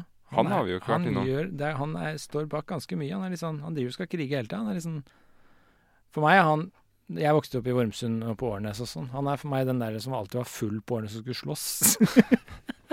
det er Kåre. Ja, han er jo egentlig den mest karikerte vikingen her. Ja, han er liksom bare skal drive og krangle hele tida, han. Ta hevn og banke og slåss. Han er liksom ikke noe Jo, men uh, han Jeg syns jo det er morsomt i åpningen når han kommer og Han er liksom den Han kommer og sier at ja, Gunnar Herses husfolk står meg efter livet. Og så sier Sigurd da har du øvet ondt mot ham. sant? De er venner. Da, det må være en tilfelle. Men så sier han Min rett har jeg øvet. Vi holdt utgangskveg sammen på en holme. Bla, bla, bla. Gunnars folk tok mine beste okser bort, og en av mennene skjelte meg for en trell. Så bar jeg våpen på ham og felte ham. Og så svarer Ørnulf det var en lovlig gjerning. ja. Ja, nei, Han hadde var- belegg for drapet. Ja, ja, det var regler. Ja. Og treller var ikke så alvorlig heller. Du kunne betale deg ut av det. Ja. Det var verre hvis det var liksom seriøse folk. OK. Ja, Men eh, jeg, jeg tror ikke det er så mye mer å si om Kåre Bonde enn at han er en sånn karakter som får ting til å skje i stykket, men han er egentlig, han er egentlig ganske todimensjonal. Han endrer seg ikke. Han er bare en, en bonde som står på sitt. Ja, han er han som alltid skulle slåss på Årnes. Ja, Mm. nettopp. Antageligvis fortsatt gjør det. Ja, sannsynligvis. Men det er veldig uh, Veldig bra. Vi, vi har kommet til veis ende, tenker jeg, og neste stykke vi skal lese er 'Kjærlighetens komedie'. Og da blir det forhåpentligvis en komedie, da. Det står det. Komedie i tre akter. det kunne jo ha hendt at det sto 'Tragedie i tre akter' under en tittel som het 'Kjærlighetens komedie'. Men Kjærlighetens tragedie. Traged komedie i tre akter. Det hadde vært morsomt hvis den het 'Kjærlighetens tragedie'. Komedie i tre akter. ja, det ville fungert bedre, Ja. egentlig. Det er, man har jo et uttrykk som heter tragikomisk, men komitragisk snakker man ikke så mye Ja. om. Kjærlighetens komedie. En tragedie i tre akter. Mm. Ja, nå er det i hvert fall komedie. Kjærlighetskomedie. Komedie i tre akter. Fra 1862. Det skal bli litt forfriskende, egentlig. Ja, Og den er ikke så lang heller, er den det, eller? Ikke at det er noe å si. Uh, nei, den er ikke så veldig lang. Ikke. Vet jeg ikke. 30 sider, kanskje. OK. Vi er jo nå på 1862. Har Mm. du noe å si før vi avslutter her? Noe biografisk? eh? Eller det stykket vi nettopp leste, var 1858. Det var ett Mm. år etter Ingen fra Østerått. Mm. Han skrev jo ganske kjapt disse, mange av disse første stykkene, og det er jo Det store Ibsen-gjennombruddet kommer med Brand. Sier du Brand eller Brant? Uh, Brand? Jeg sier Brant, tenderer jeg til. Altså Av og til Ja. har jeg begynt å si Brand, men jeg, det føles unaturlig. Men det store gjennombruddet kom jo med Brand, som er i Når du sier gjennombrudd, så mener du da kommersielt gjennombrudd? Ja, eller? så Ibsen liksom virkelig slo an. Det var jo Brand. Ja. Brand. Ja. 1866, som nå er bare fire år til, fra 'Kjærlighetens komedie'. Men bor han i Bergen på dette tidspunktet? eller Nei, nå er, han, eh, nå er han vel til Kristiania, tenker jeg. Og så drar han til utlandet og skriver 'Brand' og 'Per Gynt'. Så nettopp. jeg tipper han eh, er i Kjærlighetens komedie tipper jeg er i Bergen eller Kristiania. Og så er det Kongsemnerne kanskje i gråsona, og så er Brand i Så nå kommer Brand, ja. Mm. Og det er en personlig favoritt for deg, er det ikke? Elsker Brand. Det er liksom Det er meg. Oi, ja, men da kan vi glede oss til den. Tror jeg, da. Hvis jeg Ja. leser om igjen nå, så kanskje jeg skifter mening. Det kan godt tenkes. Det er jo et par år siden jeg leste nå. Ja. Det er ikke så veldig Jeg- mange år siden, men et par år siden. Jeg kjenner en og annen som er litt kritiske til figuren Brann. Ja. Jeg så også teaterstykket når det var satt opp på Norsk Teater for noen år siden. Men OK. Det høres bra ut. Eh, nå har vi hatt litt sånn prosa, de to siste. Mm. Men uh, kjærlighetskomedie er skrevet på vers, ser det ut til. Å Ja, det blir gøy. Det blir litt gøy igjen. Jeg savner rimet. Mm. Det er også så imponerende å skrive sånn helt teaterstykke på rim. Det er litt mer imponerende. Det er litt mer imponerende. Men uh, jeg må innrømme at jeg, jeg opplever at det blir litt, litt mer avstand til handlingen når man får rim. Det blir litt mer estetisk og litt mindre handling. Det er sant. Litt mindre realistisk. Ja. OK. Da sier vi sånn. Ses om en uke, da. Vi ses om en uke.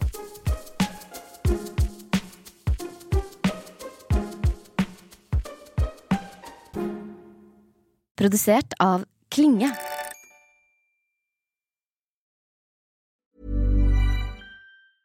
Hey, it's Paige DeSorbo from Giggly Squad. High quality fashion without the price tag. Say hello to Quince. I'm snagging high-end essentials like cozy cashmere sweaters, sleek leather jackets, fine jewelry, and so much more. With Quince being 50 to 80% less than similar brands. And they partner with factories that prioritize safe, ethical, and responsible manufacturing. I love that. Luxury quality within reach. Go to quince.com slash style to get free shipping and 365 day returns on your next order. Quince.com slash style.